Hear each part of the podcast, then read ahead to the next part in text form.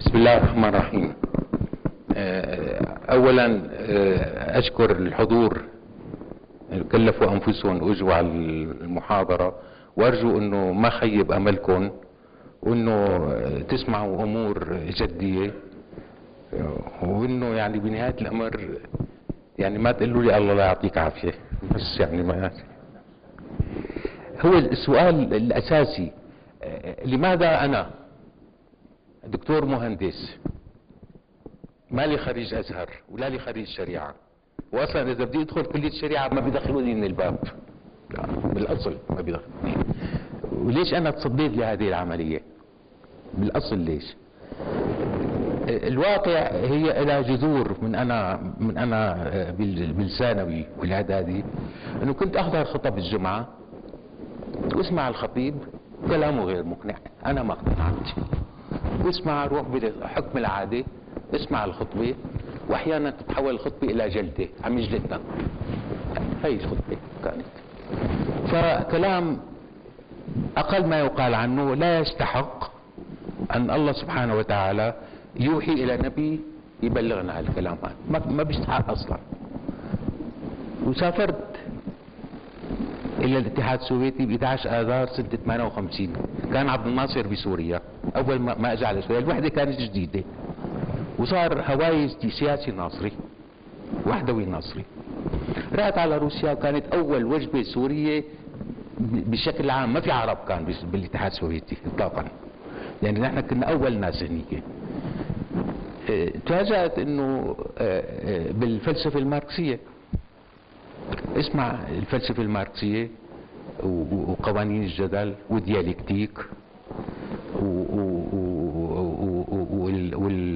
وتاريخ الحزب الشيوعي ولينين. حتى هيجل ما ما كنا ما لنا عليه بس لينين. كنا نتناقش نحن وياه. والواقع الماركسيين عندهم حجة. في في لوجيك عندهم. يعني في شيء يطرحوه. بس الشيء الأساسي كان ما في هالشيء كان بالأعين فقع الأعين. هي شعار كثير كثير مش اسمئزيت منه عندهم أن الحزب هو شرف وضمير وعقل الشعب. هو شرف وضمير وعقل الشعب الحزب. هذا كان شعار مرعب. يعني إنه يعني إنه الحزب هو شرف الشعب والحزب هو عقل الشعب والحزب هو ضمير الشعب. وطلع مو صحيح الكلام. بس كان نقعد نتناقش أنا وياهم. أنا كانت ثقافتي الدينية عادية جدا. سعيد من عائلة محافظة أنا. بس أحيانا كثير يعني وقف هيك يقول يا رب لك أنت قلت فلله الحجة البالغة. ولو شاء لهداكم أجمعين. سورة الأنعام. طيب ماني شايف الحجة البالغة. وينها؟ يعني أنا واقف وقول طيب وين الحجة البالغة؟ اقرأ المصحف. وما أجي شايف فيه حجة بالغة وينها؟ وهال وهالسؤال ضل بذهني إنه الحجة البالغة عم يقولوا إنه عنا حجة بالغة بس أنا ما شفتها. لا رجعت على سوريا سنة 64 تعينت معيد في كلية الهندسة المدنية. لا صارت حرب ال 67 كنت في دمشق. حرب ال 67 كانت الضربة القاصمة أولا أول يوم بالحرب بيطلع رئيس الدولة السورية بيقول سنجعل من الأسطول السادس طعام للسمك بالراديو قالها. أنا ما عم بفتري عليه هيك قال. بيطلع ياسر عرفات بيدعو الأمة العربية إلى وليمة في فلسطين. يعني تحررت خلص يعني تعالوا كلكم على الغداء.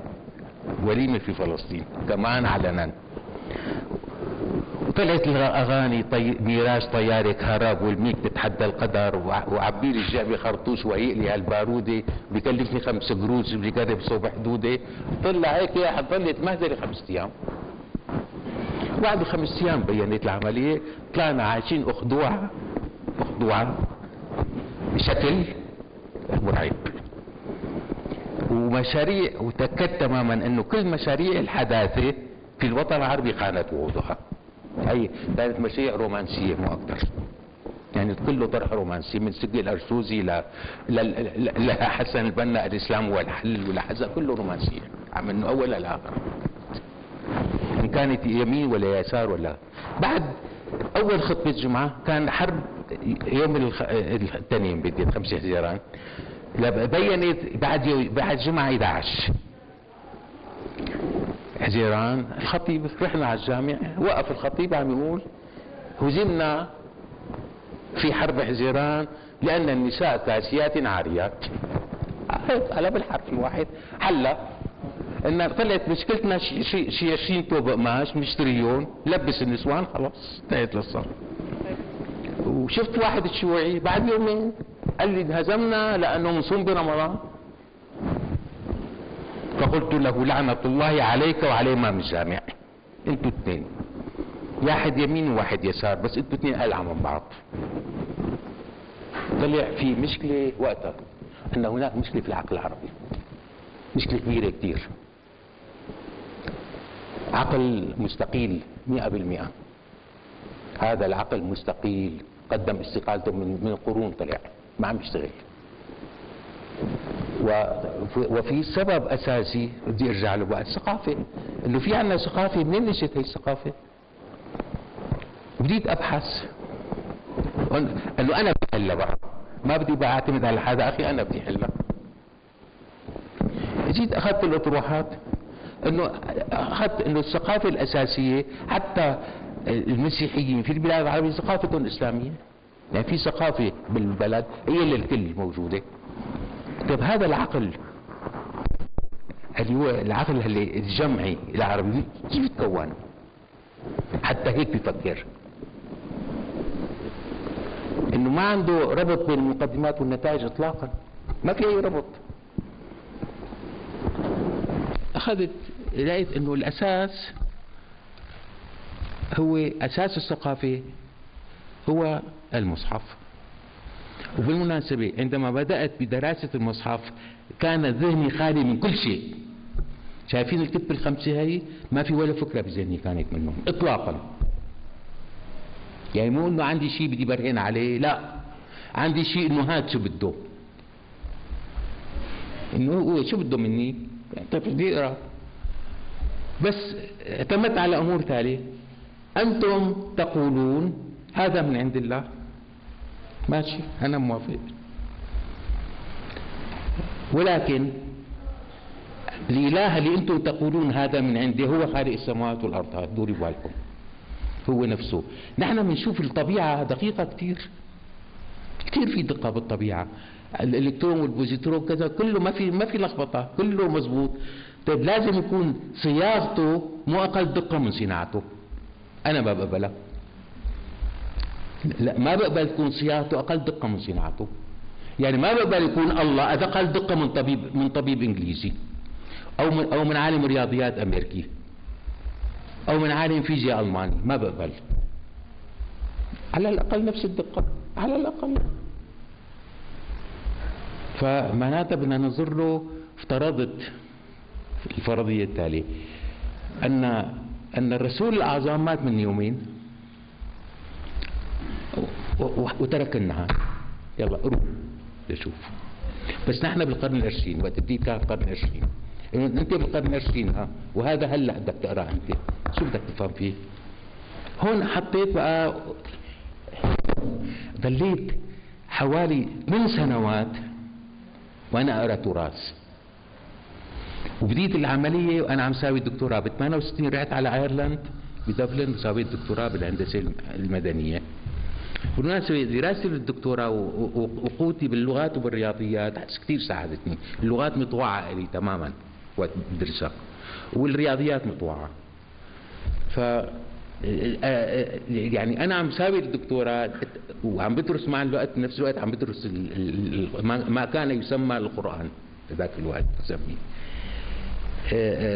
عرفت تماما إنه مجالي لازم كنت أدرس فلسفة. ما أدرس كنت هندسة بس كان الفات الأوان. يعني ومنيح إنه الهندسة درستها كثير ساعدتني وأعطتني آلية كثير كويسة. شو ضليت حوالي لسنة 75 وأنا عم بقرأ تراث ما في شيء مقنع. يعني ما في شيء مقنع. لحد سنة 78 لحتى اجتمعت بأستاذي الدكتور جعفر الباب هو هو عالم لسانيات قال لي شوف يا محمد قال لي ما في لسان بالأرض في مترادفات. انتبه اوعى هلا هون انطلقت. أنا أقبل الترادف من شاعر. بس بالقرآن ما بقبله. ما بقبله بالقرآن. الشاعر إذا حط إذا عنده قصيدة بائية قال أب وإذا عنده قصيدة دالية قال والد. بالنسبة له مثل بعض. بالمصحف لا. بالمصحف الوالدين غير الأبوين والوالدات غير الأمهات. قال تعالى حرمت عليكم أمهاتكم لا تعني والداتكم انتبهوا. تعني أمهاتكم. هو يعني أمهاتكم لا يعني والداتكم. متى ما انطلقنا طلع ترادف ما في اثنين حشوية بكتاب الله ما في. يعني حرف زايد ما في. لا تقول حروف زايد ما في. يعني أنتم بتقولوا ما بعد إذا زائدة. بالمصحف في ما بعد إذا أذنبه زائدة معناتها الله عنده حشوية. عم يحط لنا حرف ما له طعمة. ما بصير ما لازم إياه يعني قال ولا يأبى الشهداء إذا ما دعوا المام زايدة. عند الشاعر زائدة يصطفل بس هو مو زايدة. بدي أعرف بدي أعرف ليش حطها. تاء بين استطاع واستطاع. التاء زايدة هي مو زايدة. المعنى موجود في استطاع غير موجود في استطاع. اثنين هدول. الإله غير الرب والرحمن غير الرحيم. الأمور هي الزوايد هي اثنين القرآن ما في عبث. أنتوا لا لا تصوروا لنا المشكلة صوروا لنا القرآن. وبلاغته انه صار مباراة بين الله والشعراء قام الله غلب هيك صوروا لنا انه وقفوا تباروا بين بعضهم قام راح عضلوا عضلات راح الله طحش عليهم. لا مو هيك. هلا هيك بيحطوا لأنه كانوا العرب أهل فصاحة واهل بلاغة وراح اعجزون. يا أخي نحن ما لنا أهل فصاحة ولا لنا أهل بلاغة. حلوا عنا بقى. هيك تطلع إياكم تفكروا بالشعر وقت تقروا المصحف. الشعر في ثلاث مشاكل. بالمصحف مو موجودة. الشعر لا يعيبه الكذب. والشعر لا يعيبه الترادف. والشعر لا يعيبه الحشوية. يعني الشاعر بيقول 100 بيت شعر هو بيت القصيد واحد. والباقي كله حشو. ولهسبب قال وما علمناه الشعر وما ينبغي له. إن هو إلا ذكر وقرآن وبنعمل لكم اللي كديروا بالكم. هذا مو شعر. انتبهوا وراحوا عاملينه معاملة الشعراء هلا واحد بيقول لي كيف؟ انتبهوا شوف المعرفة أسيرة وأدواتها كثير مهمة هي. طيب كيف مثلا فقيه مثل الشافعي ما انتبه على الفرق بين الأب والوالد؟ قلت له طبعا ما راح ينتبه. لأنه إذا هو عمره 10 سنين حافظ 10000 بيت شعر. مستحيل ينتبه. مستحيل مستحيل ينتبه على الفرق. لأنه لأنه العقلية الشعرية طغت عليه ما عاد يقدر يشوف الفرق. ما عاد يقدر الشافعي يشوف إنه الإرث للوالدين للأبوين والوصية للوالدين. ولأبوه لكل واحد منهما السدس مما ترك الوصية للوالدين والأقربين. أه، عم يقول أبوين وعم يقول والدين ما ما شافها لا ألومه. لأنه العقلية الشعرية بتطع لا سبب إذا كان واحد شاري وقوي بالشعر لا يفصل لا يقرب على المصحف لأنه ما رح ما رح يشتغل معه. العبثية بالمصحف مين انتبه عليها؟ العرب انتبهوا عليها. هلأ لمسيلمة الكذاب ليش قالوا له كذاب؟ هو مو كذاب. هو مو كذاب. هلأ وقت قال لهم الفيل ذنبه قصير وخرطومه طويل. وين الكذب؟ ما كذاب الزلمه هو صح عم يحكي وبلغة سليمة وبسجع. وباللغة ما أكون ما عنده أخطاء. والتركيب اللغوي سليم عنده. ما في أي شكل ما في أي مشكل. ومثل قس ابن ساعدة وكذا كلهم عندهم سجع وكذا. تقول لي لا باللغة مضبوطة. بس هن في شغله عنده. قالوا له أنت أنت كذاب بالنبوة. قال له النبوة غيبيات لك عيني. قال له أنت عم تقلنا على شغلة بنعرفها. يعني واحد اجى قال لهم قال لهم قال لهم باراك أوباما انتخبوه رئيس أمريكا. مضبوط بس قال لهم الله أوحى لي لكم انه إنه باراك أوباما انتخب. قال له كذاب. لا ما حوح لك. هون قالوا له كذاب. وقت قال له النبي قالوا له كذاب. قال له, قال له النبي غيب. النبوة غيبيات. أنت ما جبت غيبيات. أنت جبت لنا بنحسد وبنزرع وبنطحن نطحن. إيه مزبوط كله مزبوط بس هي مو غيبيات. لسبب بالتنزيل الحكيم ما في عبث يعني مثلا إنه قال لك بسوره المؤمن وشجرة تخرج من طور سيناء تنبت بالدهن وصفن للآكلين. بيجي طلع التفسير. قال عم يحكي على شجرة الزيتون تاخذوا الزيتون تطحنوه يطلع منه زيت. بتاكلوا إيه خير إن شاء الله. شو عم تقول لنا أنت؟ نعرف. شو النبوة هي؟ إنت شو عم تقول لنا أنت؟ يعني وين الخبر؟ وين النبوة؟ انت عم تقول لنا إنه شجرة عم تقلنا عم هيك فسروها إنه شجرة زيتون بيطلع منها زيتون والزيتون بيطلع منه زيت. إيه بنعرف إنه هذا مزبوط بالزيتون بيطلع منه زيت. ونغمس الخبزة قال تتلون. إيه غير إن شاء الله؟ وليش عم تقلنا؟ معناتها بدنا ننظر الايات كثير نظرة جدية كثير إنه مو هيك إنه إنه هو شو عمل لي معناتها في منهج صار. عدم الترادف الحشوية غير موجودة والعبث غير موجود. يعني في شيء دائما بدي بدي أقول لي إياه. يعني المسكوت عنه دور عليه. عندما يتكلم المخاطب المتكلم مع المخاطب لا يقصد إفهامه معاني الكلمات مفردة إنما هو النظم. يعني وقت رب العالمين بيقول لك وحلائل بالتحريم محارم النكاح وحلائل أبنائكم الذين من أصلابكم. يعني في أبنائهم من أصلابنا انتبهوا. يعني في تبني. انتبهوا. في تبني يعني. لأنه قال وحلائل أبنائكم الذين إذا كان ما في إذا كان أبناء ألو... الاحتمال الوحيد إنه الأبناء من أصلابنا ليش قال؟ ليش قال؟ إذا ما في احتمال وحيد.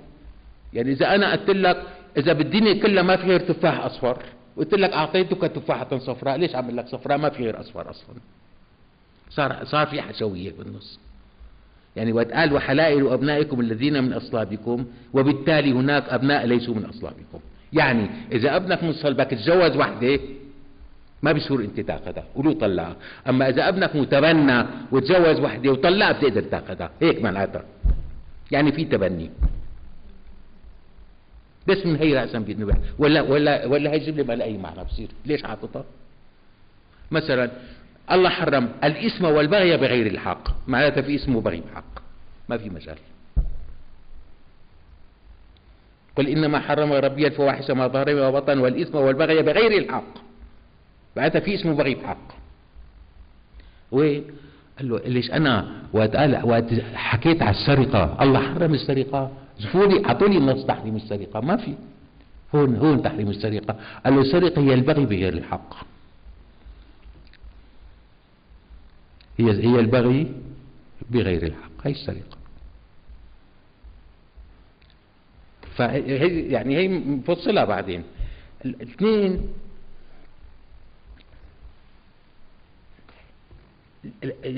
قناتي تقوم على مسلمة واحدة فقط. بيقول لك معلوم من الدين بالضرورة مسلمة واحدة فقط. المسلمة الأولى. أنا أؤمن بالله واليوم الآخر. الإيمان بالله واليوم الآخر. عندي مسلمة. مو استسلام. الله ما طلب مني استسلم. الله طلب مني أنه أعتبر الله واليوم مسلمة. أكسيوم. يعني يعني يعني كثير الإسلام في في كثير في لباقة. إنه استسلم. لا ما عمل لك استسلم. عمل لك هي مسلمة. والمسلمة انتبهوا كثير هي مهمة. المسلم يقول لك العدو العلم يدعو إلى الإيمان. بقول له ويدعو إلى الإلحاد كمان. لا حدا يزاود الملحدين ما لهم مجانين. العلم يدعو إلى الإيمان ويدعو إلى الإلحاد. المسلمة هي الأمر الذي لا يمكن البرهان عليه. بشكل كامل علميا ولا يمكن دحضه علميا. يعني أنا ما بيقدر حدا يحط لي إنه الله مو موجود علميا ما بيقدر. ما بيقدر. يعني الملحد ما بيقدر يبرهن إنه الله ما فيه. وين هي بتشوفوها كثير دقيقة؟ بتشوفوها بتشوفوها بستيفن هوكينج ثلاث دقائق وقت حكى أمر الكون. بآخر الكتاب حاطط ستيفن هوكينج هذا أكبر عالم cosmology في العالم الآن. حاطط شو ال argument اللي في الله؟ مقابل كل argument في الله حاطط argument ما في الله. مقابلة. فرجاهم قد بعض له مضبوط ليش؟ قال له لأنه بالإسلام بالإيمان بالله واليوم الآخر لازم يساوي آينشتاين وبياع الفول. كان لازم يساووا مسلمة يعني. أنه أنا أنا مؤمن بالله واليوم الآخر. مالي آينشتاين ماله أحسن مني؟ كله مثل بعض. هاي مسلمة.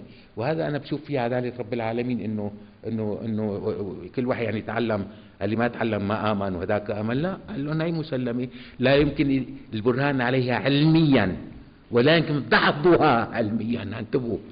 لسبب أنا أتمنى أنه أقعد مع واحد ملحد أنا ما بحاول برهن على وجود الله أبدا. أنا بقول له ليش أنا مؤمن؟ بس. هو يقول لي ليش هو ملحد؟ بس ما بدي أكثر من هيك. وما بقول له قال تعالى هي مبتوتة. اثنين أنا أصدق في تسليم وفي تصديق. أنا أصدق أن محمدا رسول الله. صدقت بأنه رسول الله. وصدقت بأن ما احتواه المصحف من أول سورة الفاتحة إلى آخر سورة الناس هي وحي بالنص والمحتوى. أنا صدقت ذلك. هذا إيمان تصديق اسمه. أنا صدقت سلمت بأن الله باليوم بالله واليوم الآخر. وصدقت برسالة محمد النبوة نفس الوقت القرآن الكريم لا يعتبر دليلا علميا. آه، كنت غلطوا القرآن الكريم دليل إيماني. تقوم به الحجة به على من على أتباعه على من آمن به. يعني أنا بقول له والله لقول لبوزي لقوله تعالى. بيقول لي لا يا شيخ شو لقوله تعالى؟ أنت شو عم تحكي؟ لا. هذا دليل إيش؟ دليل إيماني. تقوم الحجة به على من آمن به. وعلى أتباع الرسالة المحمدية تقديم الدليل على مصداقيته. والدليل على مصداقية هذا التنزيل ليس من الضروري أن تكون على لسان صحابي أو تابعي أو فقيه. التاريخ الإنساني ككل. ككل. التاريخ الإنساني كله هو صاحب الحق في إظهار مصداقية الرسالة المحمدية مو التاريخ العربي وهو التاريخ الإسلامي التاريخ الإنساني كله من اليابان للوس أنجلوس. هو هو تسلسل هذا التاريخ هو بيظهر مصداقية هذه الرسالة. نحن شو أتبع نحن نحن ننظر لسبب في شغلة هامة بيجوا هلا طلعت الإعجاز العلمي في القرآن. معلش يعني لي شوي ملاحظة إنه كل شيء اكتشفوا موجود آيات في القران مو أنتم اكتشفتوها؟ ولا هيك شاف تصدقوا أنتم وين كنتوا؟ مو أنتم يعني أنتم عم تقولوا لازم كل شيء اللي عم تحكوه مو أنتم ما لكم علاقة فيه. اللي اكتشفوه مو أنتم لا وكمان ضافوا عليها والسنة كمان إعجاز علمي في السنة. ولكن سؤال الآن. كون القرآن جاء من عند الله وفيها الصفات هي ألا يوجد في القرآن؟ ها نستطيع أن نستنتج من القرآن نظرية في المعرفة الإنسانية. ما عم بحكي على الإعجاز العلمي أنا عم بحكي على نظرية المعرفة ولا عم بحكي على العلم مو الإعجاز العلمي. عم بيقولوا theory of knowledge. هل يوجد في القرآن نظرية نستطيع أن نستنتج نظرية في المعرفة الإنسانية تؤهلنا أن نطلع على الفضاء ونخرق جسم الإنسان وننزل لقاع البحر. في هيك شيء ولا ما في؟ هذا اللي هذا أول شيء دورت عليه. إنه في نظرية بالمعرفة لأنه لاحظت إنه إنه المجال الفلسفي لاحظوا أي فلسفة بالدنيا ما فيها نظرية بالمعرفة كبة. أي مو فلسفة كلام فاضي. وتمنيت انه إنه شي حركة عربية بالقرن العشرين تحكي بنظرية المعرفة شوي. حتى عم بسأل واحد بعثي قلت له لك شو شو رأيكم أنتم بنظرية المعرفة؟ قال لي نحن بنحب الرياضيات والفيزياء قلنا له إيه خير إن شاء الله. قال بيحب الرياضيات والفيزياء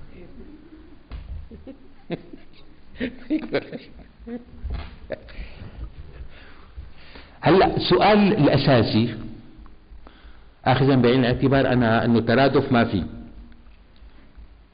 عشويه ما في الدقه متناهية لا تقل عن دقة الصناعه هذا بدي حطه أمامي حشو ما في عبث ما في في شيء هام عم يقول لك إياه. أول شيء الوجود خارج الوعي والوجود هون. هي هون تبدأ نظرية المعرفة. الوجود علاقة بين الوجود في الأعيان وصور الموجودات في الأذهان. هي هي نظرية المعرفة. كيف؟ بالقرآن في هيك شيء ولا ما في؟ يعني أعطيك هيك شيء ولا مو أعطيك؟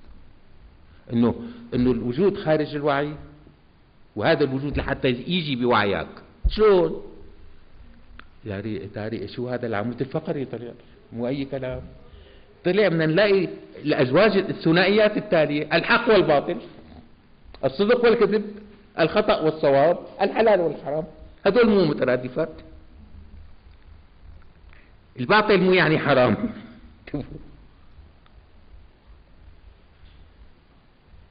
الحق. حتى أشوف الحق في المصحف له معنى دقيق جدا. الحق هو الاوبجكتيف تروث الحق هو وجود الأشياء خارج الوعي الإنساني. هذا الحق. وين شرحها؟ يوسف شاف منام. هون المنام. قال يا أبتي إني رأيت أحد عشر كوكبا والشمس ورأيتهم لي ساجدين. وين شافها هون. بآخر سورة يوسف قال له قال يا أبتي هذا تأويل رؤياي من قبل. المنام اللي هون شو صار؟ شو شافوا أمامه. قد جعلها ربي حقا. صارت مو هون صارت هون برا. إذا قال لك الوجود خارج الوعي والوجود في الوعي. الوجود خارج الوعي هل هو حقيقي أم وهمي؟ هذا السؤال اللي طرحته أول, أول ما طرحه الإنسان. تصوري أم حقيقي؟ قال لك لا حقيقي. أم قال لك في وجودين حقيقيات خارج الوعي الإنساني. إن الله هو الحق. الحق مو حلال الحق وجود.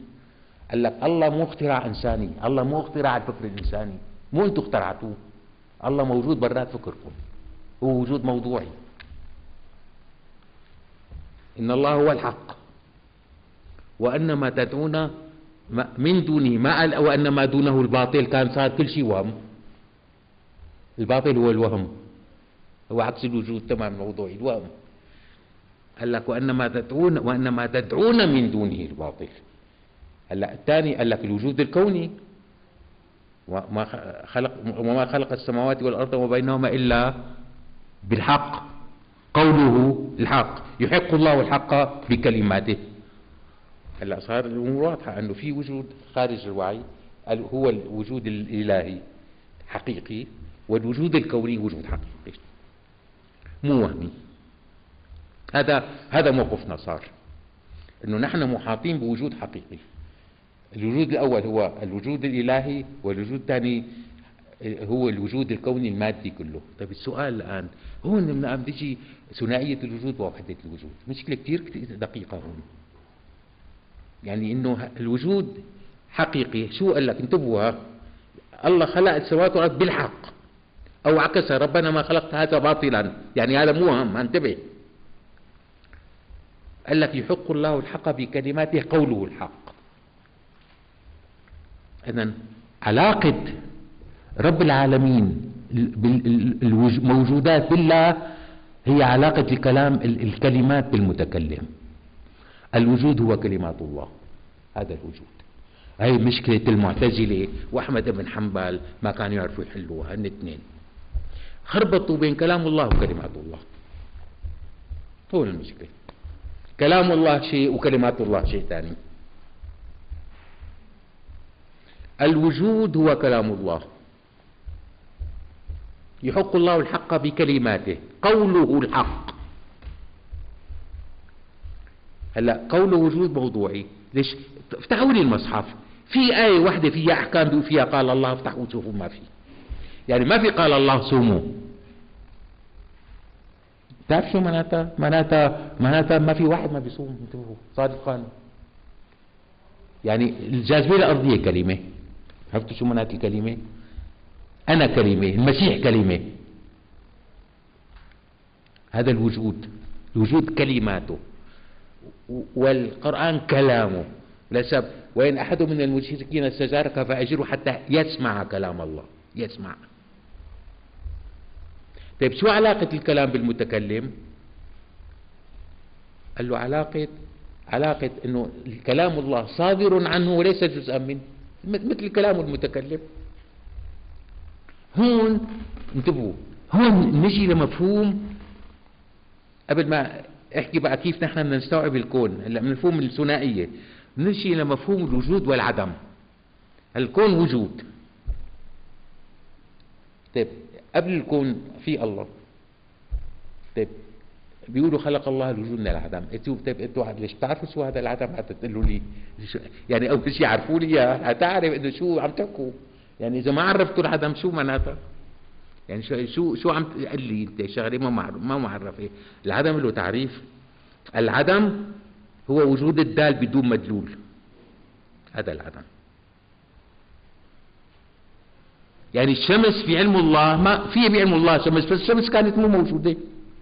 يعني كانت الشمس في علم الله دال خلق الشمس صارت صارت كلمة الله هي هي عين الشمس. هي المدلول الكلمة والمدلول واحد صاروا. يعني عند الله ما في كلمة اسمها شمس هي شمس. الشمس عين الشمس هي كلمة الله. كلام الله هو عين الموجودات. كلمات الله هي عين كلامه كلمات الله هو عين الموجودات. يسوع قال لك وتمت كلمة ربك صدقا وعدلا. لا مبدلة لا مبدل لكلماته. إن إحنا الأحكام نبدلها. لأن الأحكام مو كلمات الله. لا مبدل لكلماته. ما بتبدل. يعني قوانين الوجود هي كلها كلمات. والوجود وقوانينه هي كلمات الله. أنتم عم تدرسوها. كلمات الله مفرداتها الفيزياء والكيمياء والبيولوجيا والكسمولوجيا هي مفرداتها كلماته. هلا شوفوا وين دليلي أنا انه إنه الإنسان آخذ شغلة من الله مباشرة. هلا بنشوفها وين. نحن هلا الوجود أمامنا. طيب كيف بدنا نستوعبه؟ بدأ الوحي لموسى إنني أنا الله لا إله إلا أنا فاعبدني وأقم الصلاة لذكري. إيش واحد بداية فصيحة؟ إنه الله كلام كلامها وكلم الله موسى تكليما. هذا بداية الوحي لموسى مباشر. طيب بداية الوحي للرسول الأعظم اقرأ. إيه شو اقرأ؟ يعني شو خير إن شاء الله؟ شو بده؟ لا وين إذا بيهمه اقرأ فك الخط؟ إيه ماتوا ما أقرأ إذا بيهمون بمفهوم اقرأ فك الخط يعني. إيه ماتوا وما أقرأ شوفوا بداية الوحي أعطاه مفتاح المعرفة الإنسانية. هذه المفتاح لا يمكن للإنسانية تستغني عنها إلى أن تقوم الساعة وهي أساس كل العلوم والأبحاث في العالم الإنسانية والطبيعية. قال له اقرأ. فعل أمر. هلا بقول ليش فعل أمر؟ باسم ربك الذي خلق. خلق الإنسان من علق. اقرأ وربك الأكرم الذي علم بالقلم علم الإنسان ما لم يعلم. هلا أول شيء اقرأ فعل أمر. والقراءة هي العملية التعليمية مو فك الخط. هذه كلمة تلاوة. وما كنت تتلو من قبلي من كتاب وما تخطه بيمينك. ما بيخط. خلق. اوعوا تظنوا الخلق هو الوجود من العدم. الخلق والديزاين. الخلق والتصميم. خلق الخياط القميص من القماش. يعني جاب الخياط لقماشة فتكة وقال هي الأبة وهي الكمام فصلها لسبب قال لهم إني أخلق لكم من الطين كهيئة الطير. خلقكم من الطين. وهو الذي خلقكم من طين ثم قضى أجلا. جيب لكم عشرين آية خلق من. منين جبتوا لي خلق يعني من العدم. منين؟ منين؟ منين اجت بعرف يعني بالمصحف كله خلق من فيه إلا إلا إلا بيجوا السادة الألفاظ أي الخلق هو الايجاد من العدم. اذا أنتم عرفتوا لنا العدم أصلا؟ حتى تقولي لي عرفوا لنا العدم أول. خلق. خلق الإنسان من علق. العلق شو هي؟ هون ما نجي. علق جمع جمع. في علقة واحدة. ثم أنا علقة. علقة يعني هي علقة علقة واحدة يعني. علقة الحيوان المنوي بالبويضة هي علقة. علاقات جمع علق جمع الجمع قال له الإنسان تصميم الإنسان هذا الإنسان تم تصميمه من مجموعة من العلاقات. مو علاقة واحدة مجموعة من العلاقات. هل أنتم بتقولوا لها علاقات فيزيائية وكيميائية وطبيعية وبيولوجية وما شو هي أنتم بتقولوا لها هي هي هي العلاقات اللي منها تم تصميم الإنسان؟ طيب قال له ماشي هي علاقات هيك موجودة بالطبيعة. طيب نحن كيف بدنا نفهمها؟ قال له قلمها. شو قال له؟ قال له قلمها. ما في ما في طريقة الطريقة الوحيدة هي هي للمعرفة الإنسانية هو التقليم. قال له كيف يقلمها قال له قال له شغلة واحدة قال له بتميزها. شغلة عن شغلة. بتقلمها بتسقفها. سقف سقف يعني بتروح أنت لقلم المرور. في شيء اسمه قلم المرور. القلم يعني مو هاد. قال له في شيء قلم المرور. قال له بتلاقي بقلم المرور. رقم السيارة ورقم المحرك ولون السيارة وسنة الصنع. بتلاقي مواصفات لا تنطبق إلا على سيارة واحدة. هي هي. هذا اسمه قلم المرور. التقليم والتمييز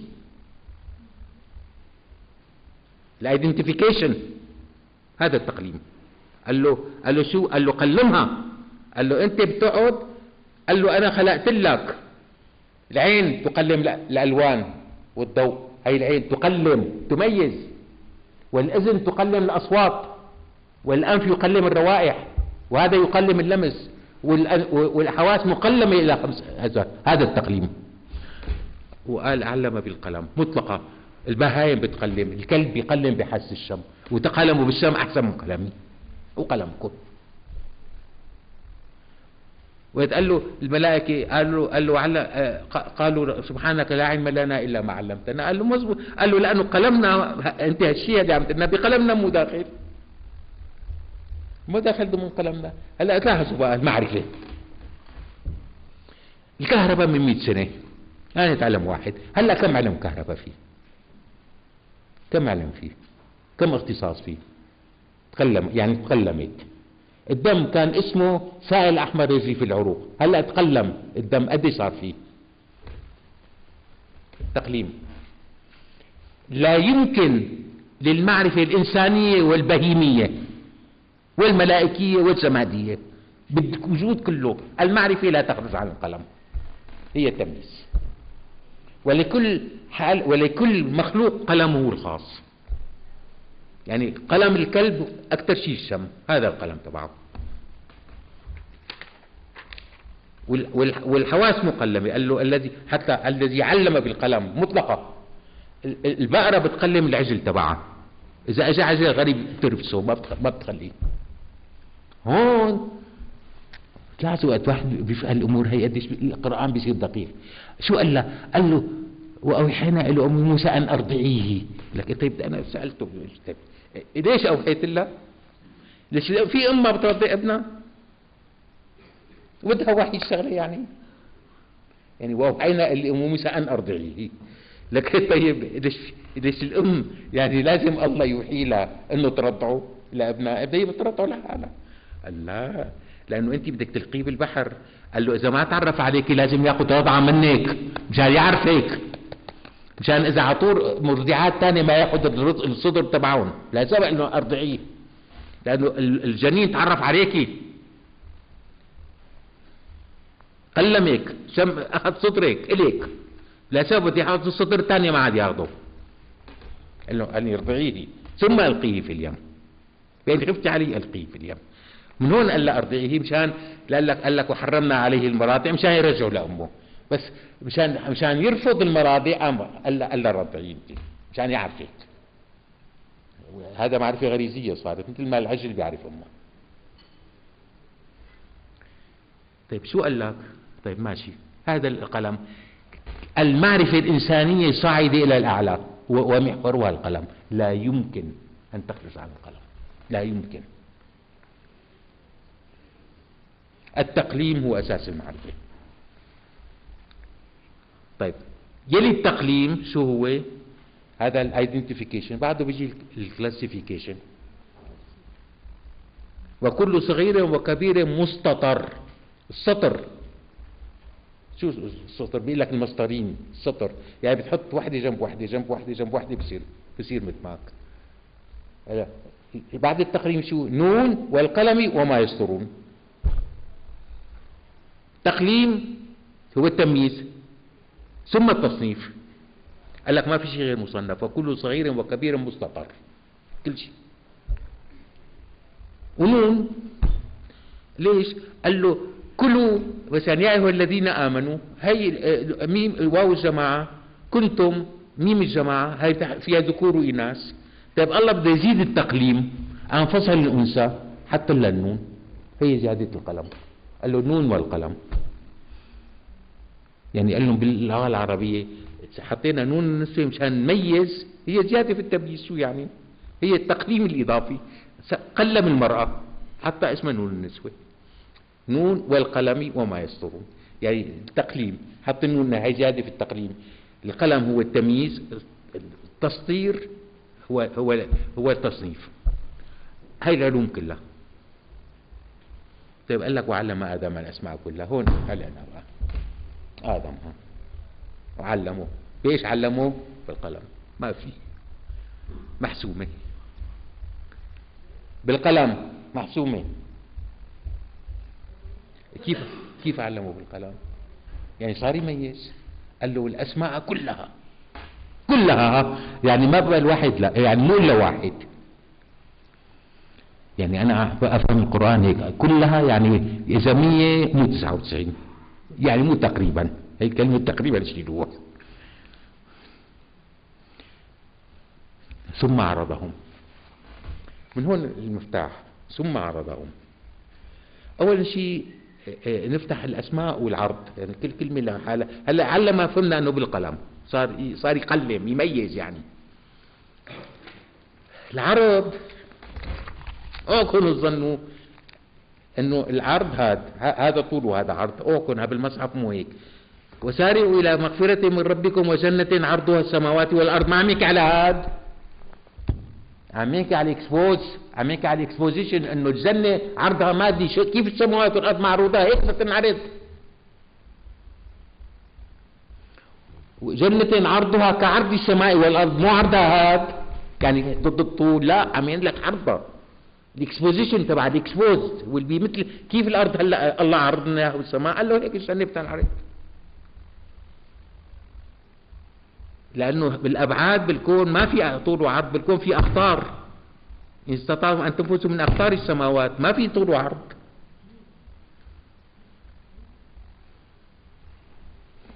العرض عرض. طيب السؤال وهل يعرض إلا المشخص؟ سؤال هذا واضح جدا. لأنه ثم عرضهم. ما ثم عرضها؟ يعني أي عرض المسميات. ما عرض الأسماء. الأسماء لا تعرض. عرض إيش؟ اللي عرض الأسماء كان قال لك ثم عرضها. قال لا ثم عرضهم. حتى هي المفسرين قايلين عرضهم المسميات كلهم. يعني هي ما في ما في مجال للغربطه طيب عرض المسميات أول شيء هل يعرض إلا المشخص؟ يعني الله هل تعرض التوبة؟ إنه شوفوا هي التوبة. عرضها لا ما بتنعرض. الحب ما بينعرض. العواطف كلها ما بتنعرض. يعني في كتير شغلات انتبهوا يعني لا اوعكم تظنوا إنه الأسماء يعني اللغات. اوعكم هلأ الاسم هي وحدة عرضها. ثم عرضهم. هون شوف في شوف الرومانس وقت بيدخل العواطف وقت تدخل قديش بتسوي بيقول لك الاسم الاسم إذا من سماوات كل ما علاك فهو سماك والاسم يعلو صاحبه هذا مو صحيح. يعني هذا جدار وين يعني؟ كلمة جدار يعني تعلوهات شو يعني؟ منين يعني؟ الاسم لا يعلو الاسم يسم صاحبه. بيميزه لسبب صار قد ما علموا إيش؟ التمييزات كلها. صار يميز أسماء. شو الأسماء؟ انتبهوا الاسم الكلب. سمة الكلب شو هي؟ عو هي يسمعها لأنه الكلب بينعرف سمع صوت الكلب. عو قام قال عو هي هي عرضها كلها. كل شيء بيصدر صوت له سمة من طبيعة وحيوان كله عرضه. كله تعلمه. بدون ما نقص ولا واحدة وقال أنبئوني بأسماء هؤلاء والعرض صوتي ليش؟ لأنه كلمة نبأة. طالعوا نبأة فيها صوت يعني. النبأة هي الصوت. أنبئوني. هي أحد معاني النبأة يعني يعني تمييز صوتي صار. كل شيء بيصدر صوت. وإذا صوته بيتحرك أكثر صار يلاحظوا. كلها. مضبوط كلها. والآن أي إنسان بلد بغابة وتركوه لحاله. بده يطلع يقلد أصوات الطبيعة والحيوانات اللي حواليه كلها. ما بينقصوا لا واحدة. وبوقف وبيوقف ما بي ما بيزيد شيء عليها بضل واقف. ولهلا هي مبرر عليها. ما اللي بده يبرهن المبرر يبرهنه ما ما ممكن. هذا بيبرهن أنا وين تدخل الرباني. بتعرف. يعني رب العالمين تدخل اثنين حتى يعلمك الكلام الإنساني؟ إنه لا يمكن للكلام أن يسمى كلاما إنسانيا إلا إذا كان بين متكلم ومخاطب فقط. يعني بدون شخص ثالث لأنه وقت كان يصير يقلد أصوات الطبيعة والحيوانات. كان في دائما شخص ثالث أو يعني أنا معي واحد بقول له عو. يعني في عم بحكي معه بس في إيش؟ في الشخص الثالث طيب أنا اذا بدي أحكي معه بدون شخص ثالث. شو بدي أحكي معه؟ حتى يصير كلام إنساني متكلم ومخاطب بس. فعل الأمر. فعل الأمر بس. صار كلام إنساني. بسبب أول شيء قال له رب العالمين لادم اسكن. بإيش بدي؟ قال فعل الأمر. لأنه فعل الأمر بين متكلم ومخاطب. مباشر. وقال له يا مقام الربوبية. مو أنه قال له يا آدم سمعتني اسكن. لا. انتبه يعني كله هذا كله بالأرض عم يحصل. يعني مو عم يسلسي هو وياه هي كله عم يصير بالأرض. وقت قال له الرحمن علم القرآن خلق الإنسان علمه البيان. كل قوانين نشاه اللغات رحمانيه والرحمن لا يتكلم بل يفعل. رب السماوات والأرض وما بينهما الرحمن لا يملكون منه خطابا. الرحمن لا يتكلم يفعل. ما بيحكي بيفعل. لهذا رب العالمين. برأ مريم بنت عمران براءة رحمانية وبرأ عائشة براءة إلهية.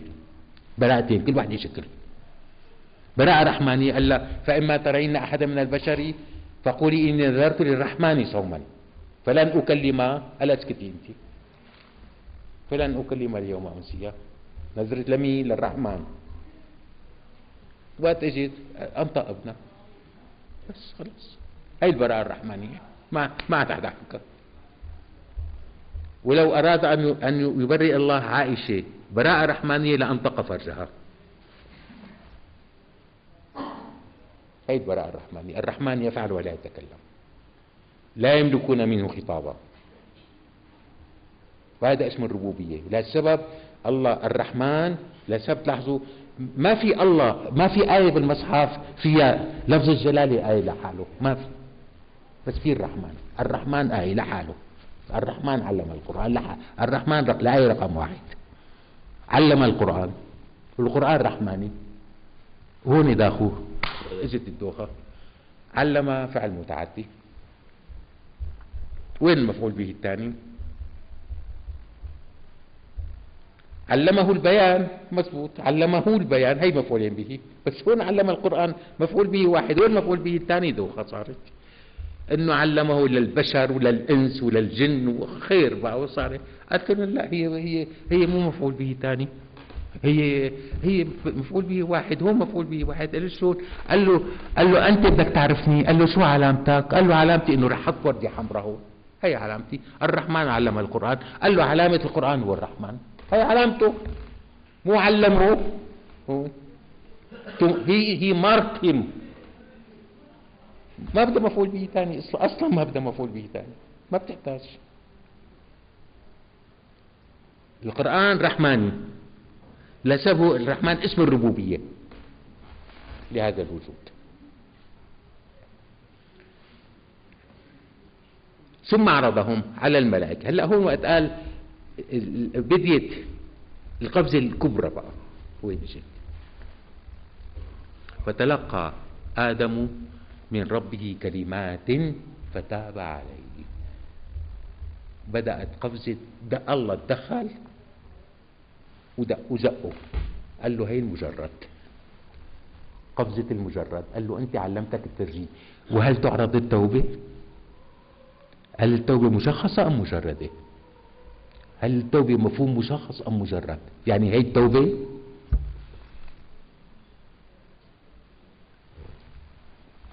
أعطاه إيش؟ هي الزقة بدي بدأ بالترجيح وهنا عندما بدأ بالترجيح بدأ الكلام الإنساني بالتشكل. بالتشكل. لاحظوا بصوتين. صوت واحد ثم الصوتين. لاحظوا بقى. وقلنا لاحظوا أعطانا مثال على التجريد. وقلنا ادخلوا الباب سجدا. وقولوا حطة. نغفر لكم خطاياكم. قال له شو يعني حطة؟ قال له حطة أي نغفر لكم خطاياكم؟ قال له شو يعني جدار؟ قال له جدار يعني هاد. لاحظوا كيف علمنا التجريد؟ هي تجريد. أعطانا مثال عليه. وقلنا ادخلوا الباب سجدا وقولوا حطة نغفر لكم خطاياكم. يعني طيب شو حطة؟ قال له هي تجريد. مثل ما أنا هي سميتها جدار هي حطة. انتقل الإنسان من العلاقة الطبيعية بين الصوت والمدلول إلى العلاقة الاصطلاحية وهي التجريد. والذي لم يجرد اندثر والذي لم يجرد اندثر انتبهوا بقى إنت بدي الوحي لاحظوا بقى ال- ال- الكلمة الجملة آه، آه، آه، هذا أح وكخ وضد هي آدم. هذا آدم أو كنت أكثر من هيك هو. رسول الله الرسول الأعظم هو الدبلوم. تخرج آدم الكغ والدد حتى تعرفوا القرآن شو عم يعطيكم؟ عم يعطيكم إنه كيف البشرية من الكغ والدد لتخرجت ونوح وكذا هو المراحل عم يعطيك إياها إنه كيف تطورت. مو عن عبس عم يعطيك إياهم مو مشان يسليك. عم يعطيك معلومات. نقاط علام عم يعطيك إياها. وشوفوا قديش دقيق قديش دقيقة نقاط العلامة اللي يعطينا إياها. من من الكغ والدد ل للتخريج. وبعد ما قال له ربي قال له مع السلامة خرجتوا. نحن نعيش الآن في عصر ما بعد الرسالات. كونه نحن في عصر ما بعد الرسالات ورب العالمين قرر مو أنا قرر رب العالمين إنه أنتم ما عاد بدكم لا أنبياء ولا رسل. مزبوط نحن في وضع أفضل. لأنه اللي كانوا بوضع مو أفضل. كان يبعث لهم انبياء ورسل. نحن ما بدنا. نحن نحن بوضع أفضل منهم. أو كنت أو كنت غلطوا. نحن بوضع أفضل منهم. لأنه لأنه رب العالمين قرر إنه ما بدكم. هو قرر مو نحن. إنه أنتم مالكم في حاجة. يعني بتشبروا أغوار الكون أنتم بتشرعوا أنتم صرتوا قادرين ويل ويل الختم. لاحظوا بقى كيف كيف التجريد كمل. شوفوا أول سورة الشورى. حاميم عين سين قاف. مقطعين صوتيين حاميم مقطعين صوتيين. عين سين قاف كم مقطع؟ ثلاثة. كذلك لاحظوا بعد كذلك بيجي خبر غير ابتدائي دائما. يعني عم يشرح شيء يقول كذلك بيح- بيحكي بده يشرح بيقول كذلك.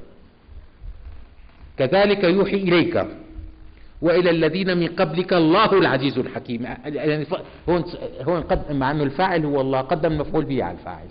لأهمية الخبر قال له شو قال له وقت صار الكلام الإنساني مقطعين صوتيا وثلاث مقاطع صوتيات صار في وحي.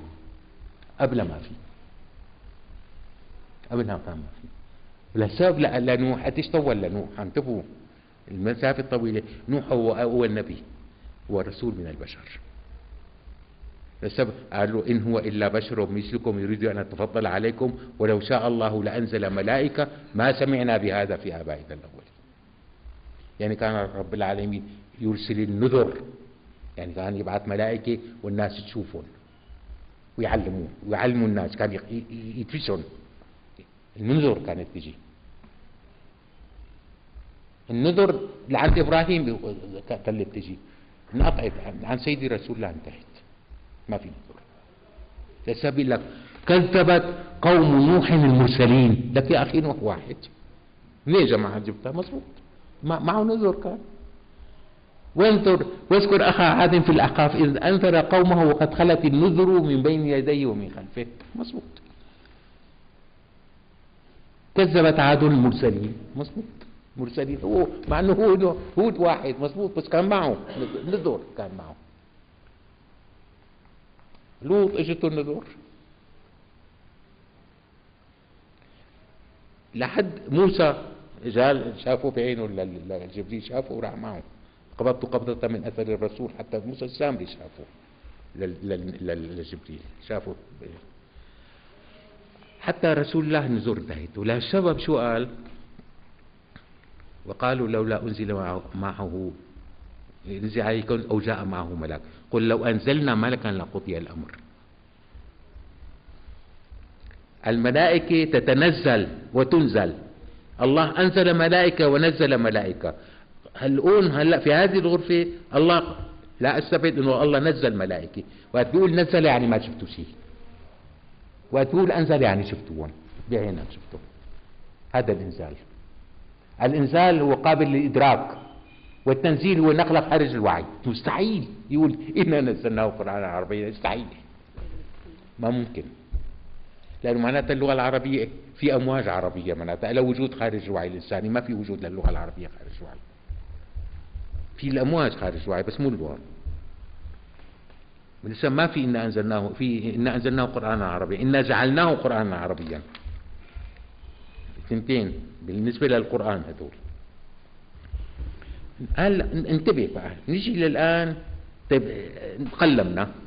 بدنا نستوعب العالم الخارجي. هذا التقليم بتلاحظوا مثلا بجسم الإنسان شلون بتلاقي تطولس الجهاز المقلم الجهاز العظمي والجهاز التناسلي والجهاز الدوران كله بتلاقي كله مقلم كل شيء لحاله. والطب. طيب نحن ندرك العالم الخارجي عن طريق الحواس.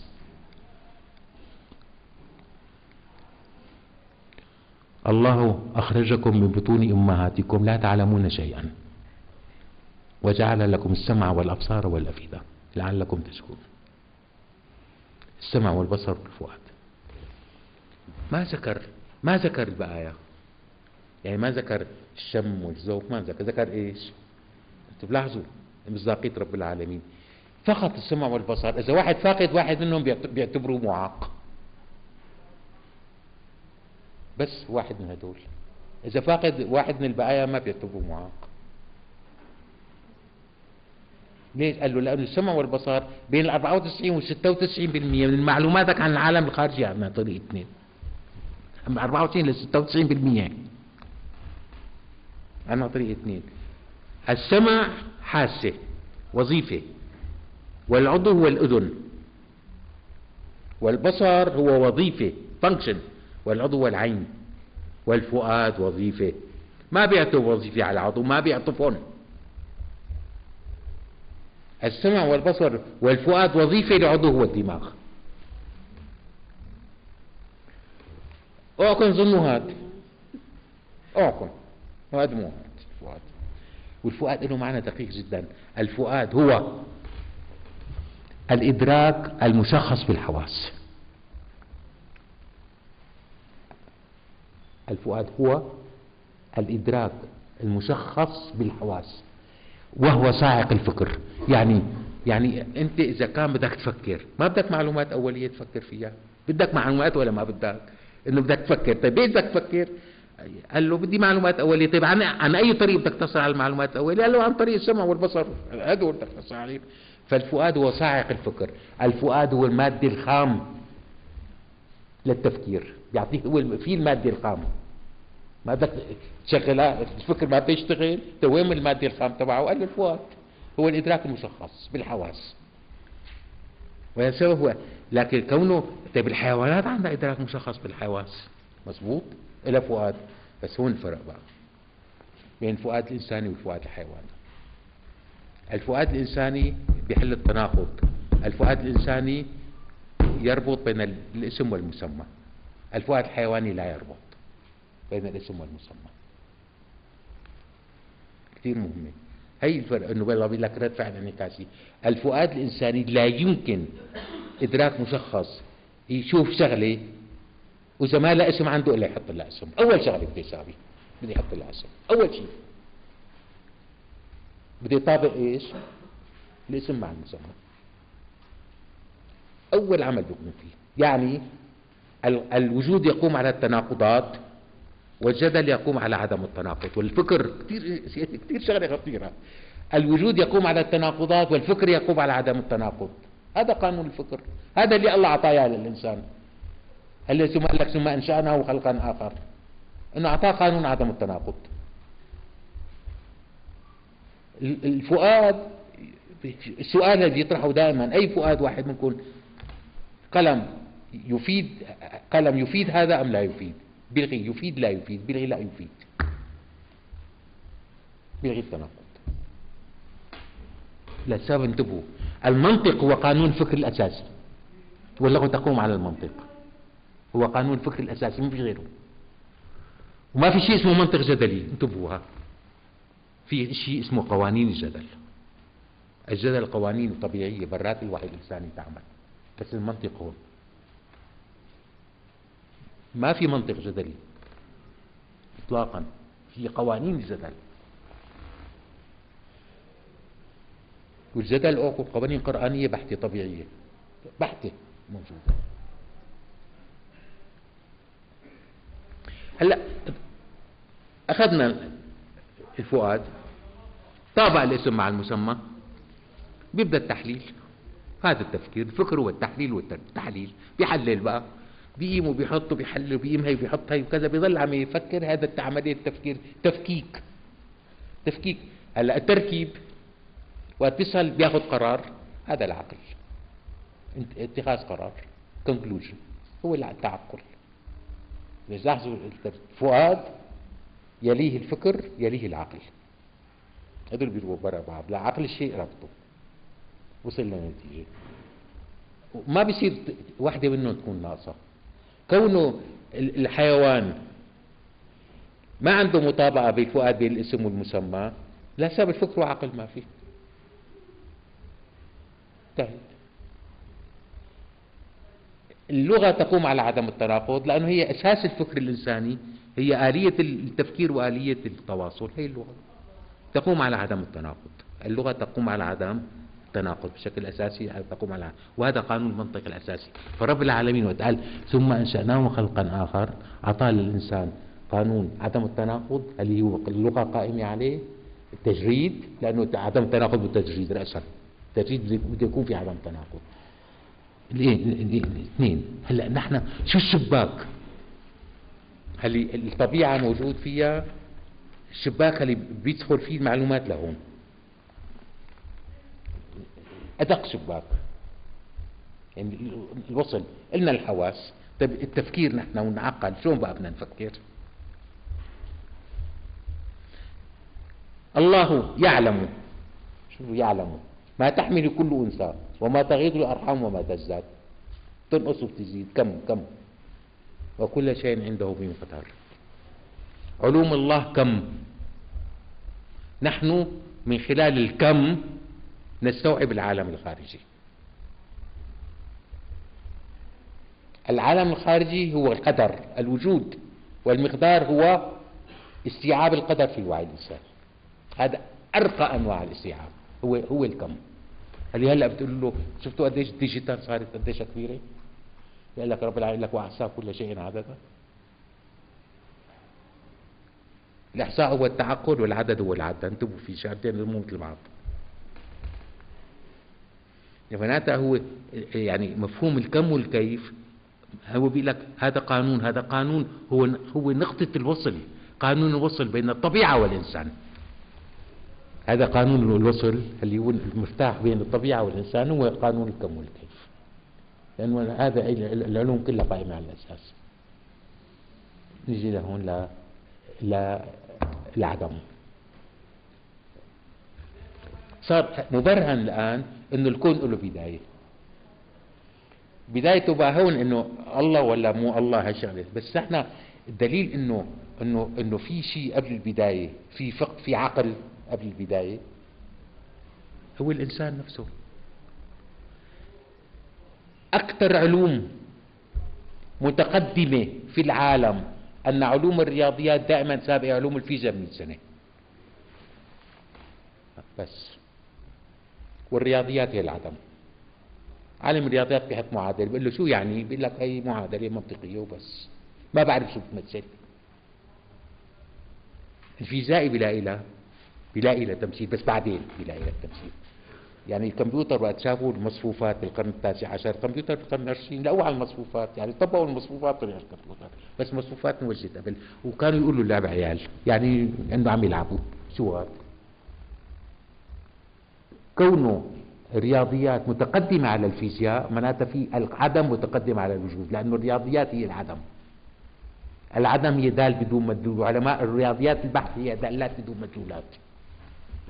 ودال بدون مدلول. علماء الدين والسياسيين كمان قاعدين بالعدم. بيحكوا كلام ما له أي وجود بالواقع. لا هدول لا هدول بتلاقي بيخطب وبيخطب وبيخطب لك يعني شو هذا عم تحكي وينه؟ مو مو هيك. الواقع مو هيك. هن كمان واعيين فيها. صار الخطاب عدمي. يعني شو الخطاب العدمي؟ قال له أنت عم تحكي شغلات دالات بدون مدلولات. يعني المدلولات بالحقيقة مو مو, هيك. يعني مثلا مثل شعار الإسلام هو الحل. هذا عدم وينه؟ يعني شو حل إيش؟ هذا هذا شعار عدمي صار. هون نيجي بقى لا. العلوم بقى. انتبهوا أنا عم بحكي على المعرفة. لاحظوا هلا نظرية المعرفة كلها من القرآن موجودة. موجودة كلها بالقرآن. يعني في نظرية المعرفة هذه نستطيع أن الوطاء والهذا والطب كله يعني في في علم من العلوم بالعالم خارجة عن هذا الشيء حكيته؟ ما في. طيب والعلوم شو هي؟ قال له العلوم في لها أربع عناصر. هلا عم بيحكي مو على المعرفة عم بيحكي على العلوم بقى. العلوم يعني وظائف. العلوم يعني وظائف. والفلسفة يعني كونسبت مفاهيم. قال له الوظائف تقوم على أربعة عناصر العلوم كلها. المادة والبعد والموقع والحركة. الحركة يعني الزمن. كل العلوم على الإطلاق ما بتطلع عن هذول الأربعة بس قال لك بنفس الوقت قال لك الموقع والحركة لا يمكن رصدهم في آن واحد. مش تناقض قال له أنت يا يا بتدرس الحركة يا بتدرس الموقع. بس الموقع والحركة بآن واحد ما بيندرسوا وهيك العلوم كلها. يعني أنت وقت بتدرس فضاء صاروخ يا بدك تاخذ حركة الصاروخ من الأرض للقمر الصاروخ نقطة.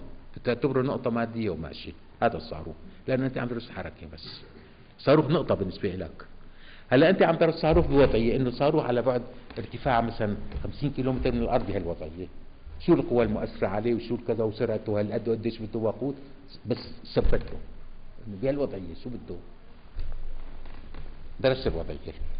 لهسه بتلاحظوا بالتاريخ أنت يا بتدرس دراسة يا diachronic أو synchronic. يعني يا دراسة يعني بالتاريخ يا بتاخذ مقطع مثلا القرن السابع. تاخذ القرن السابع بتدرس شو صار في أحداث. يا بتاخذ خط سير التاريخ. بس خط سير التاريخ. قوانين التاريخ خط سيره. القرآن أخذ خط سير التاريخ. القرآن مو كتاب تاريخ. القرآن خط إيش؟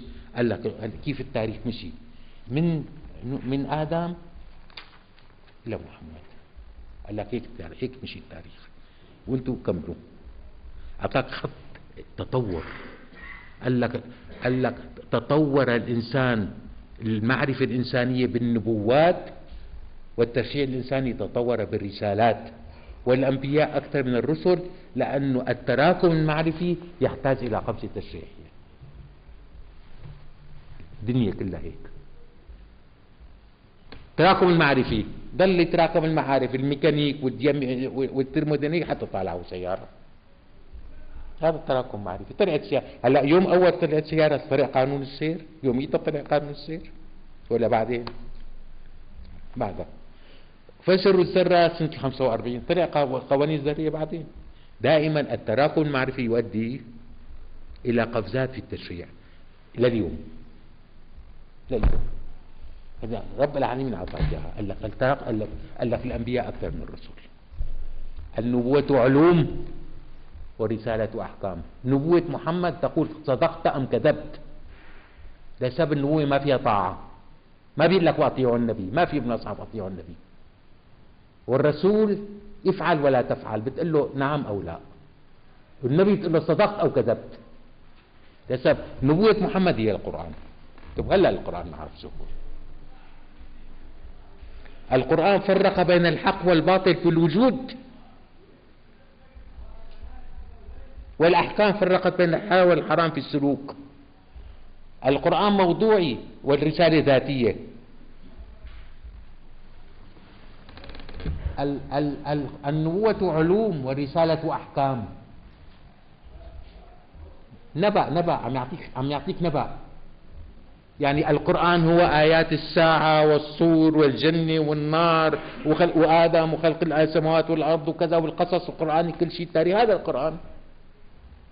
بعد ما خلص هذا ونوح وهود بسورة, بسورة هود قال له تلك من أنباء الغيب نوحيها إليك ما كنت تعلمها أنت ولا قومك. أنباء الغيب. نوحيها يعني دائما لسبب الكتاب قال له الكتاب فيه القرآن وفيه الأحكام لسبب قال له ذلك الكتاب لا ريب فيه هدى للمتقين. انتبهوا للمتقين. ليش؟ قال له الذين يؤمنون بالغيب ويقيمون الصلاة. والقرآن هو الغيبيات والصلاة من الأحكام. بالأحكام ما في قال الله. ما في إطلاقا. انتبهوا ما في قال الله بالأحكام. شو قال الله وما تصير لسبب انتبهوا بقى بيقول لك إيه الله قال قال الله للملائكة وأمر إبليس الأحكام الله يأمر وينهى ولكن لا يقول. لسبب قال يا إبليس ما منعك ألا تجد إذ أمرتك؟ الله أمر إبليس ولم يقل. لسبب قال للملائكة وأمر إبليس. وما كان لإبليس أن يقول لا إذا كان قال له. فرق. قول وأمر. نحن نعصي أوامر الله نعم. بس لكن ما لنا أن, أن انه إنه كلام الله ان نوقف. ما ما بنقدر يعني ما ما ما بنقدر هون لاحظوا مشكلة الحرية قديش كبيرة الخربطة بين أحمد بن حنبل والمعتزلة. فرقوا إنه إنه الوجود هو كلمات الله. لا المسيح كلمة. إنما المسيح عيسى ابن كلمته من الله مصبوط هو قال لا كلام الله أزلي. لك يا عيني مو أزلي. يا روحي مو أزلي. كلمات الله. أنت ما فهمت كلمات الله. هي الوجود. والوجود مو أزلي. وحشر إنه لا الله متكلم. لك يا أخي مو أنت منين جبتها هي متكلم؟ يعني حشرها لا إلا بدي حشرها هي مو هيك هي بدك تفرق بين كلمات الله وكلام الله. وبعد صار الأمر يباح ولاحظوا القرآن القرآن ساحق باحق. لا سبب إمتى؟ إمتى؟ بليلة القدر شو انزل؟ القرآن. إن شاء الله بليلة القدر قبل ما الله يوحي لمحمد لسيدي رسول الله يوحي له اجت عبس وتولى وجاهزه عم يستنى قال لا ما في عبس وتولى. اجت عبس وتولى بعد ما عبس. ما لها علاقة. إن شاء الله اجت آيات سورة سورة بدر غزوة بدر أو معركة بدر آياتها نزلت على السماء الدنيا قال انزال هي قرآن مو قرآن كانت. اجت بعد ما صارت غزوة بدر. مو جاهزه هي مو ما لها علاقة بليلة القدر. ولا هي تمثيلية بتصير. انتبهوا أنا آسف لكم. صار الله, الله عم يساوي لنا كوميديه صار. كوميديا صارت إنه والله جهز كل الآيات جاهزة وقبل ما يوحي لها. وجهزها إنه ما كان للنبي ان يكون له اسرى حتى يسقط في الأرض. يا أيها النبي لما تحرم ما أحل الله لك؟ عبس وتولى أن جاهز قبل ما يحبس. كله جاهز لا. أما تقلي جاهز خلق السماوات والأرض القران نعم. هي قوانين موضوعية. القرآن. انتبهوا القرآن إذا مقرن لاحظوا خذوا علوم قرن بيقول لك القرآن من قرن معظمه بيقولوا من قرن مو من قرأ وحتى القرأ هو الجمع يعني شو لك؟ ثلاثة قروء يعني جمع بين الحيض والطهر. وقرن يعني قرين فلان فلان قرينة فلان قرن الله قرن في القرآن. معلومات جاءت من اللوح المحفوظ ومعلومات جاءت من الإمام المبين. قرنهم مع بعض. الإمام المبين فيه القصص أحداث الإنسان. واللوح المحفوظ فيه أحداث الكون. فقرنهم ببعض فصار قرآنا. واثنين حديث لسبب القرآن قابل للتصديق والتكذيب فقط. مو قابل لا لا طاعة ولا معصية. شو إذا الشمس كورت وين الطاعة والمعصية؟ كل نفس ذائقة الموت. القرآن ساحق ماحق الأخلاق بالقرآن غير موجودة. ما في أخلاق. في قانون موضوعي. كل نفس ذائقة الموت. هذا قرآن. عجبك الموت؟ أهلا وسهلا ما عجبك لا البعث قرآن. قال له إن عجبك البعث لا تنبعث وما عجبك لا تنبعث بس إذا عجبك الصوم بتصوم ما عجبك الصوم ما بتصوم. هي هي لسه شو؟ قال له وهذا كتاب أنزلناه مبارك فاتبعوه واتقوا قال له شو؟ قال له قال له لأنه التقوى ما مو جواته التقوى بيرقني هو في معلومات. في في عم يوصف لك الثواب والعقاب بس انت شو بدك تساوي حتى تاخذ هذا الثواب والعقاب؟ مو موجود فيه موجود بالرسالة. بس شو قال له عن القرآن؟ قال له وكذب به قومك وهو الحق. شو عن كذبها؟ شو قال له؟ قال كذب به قومك وهو الحق. بينما هنيك قال له طاعة. أطيعوا وأطيعوا الله والرسول. ما قال لهم صدقوا وكذبوا قال لهم أطيعوا. وبالمناسبة بالمصحف ما في واطيعوا النبي ها. اطلاقا مو موجودة. طيب هلا بيجي واحد طيب الآيات اللي فيها يا أيها النبي بقول له مزبوط عم يعطينا تعليمات هي مو تشريع يعني مثل واحد عم يعطي انستركشن لغلي السفنه بس هي ما بيشرع لك.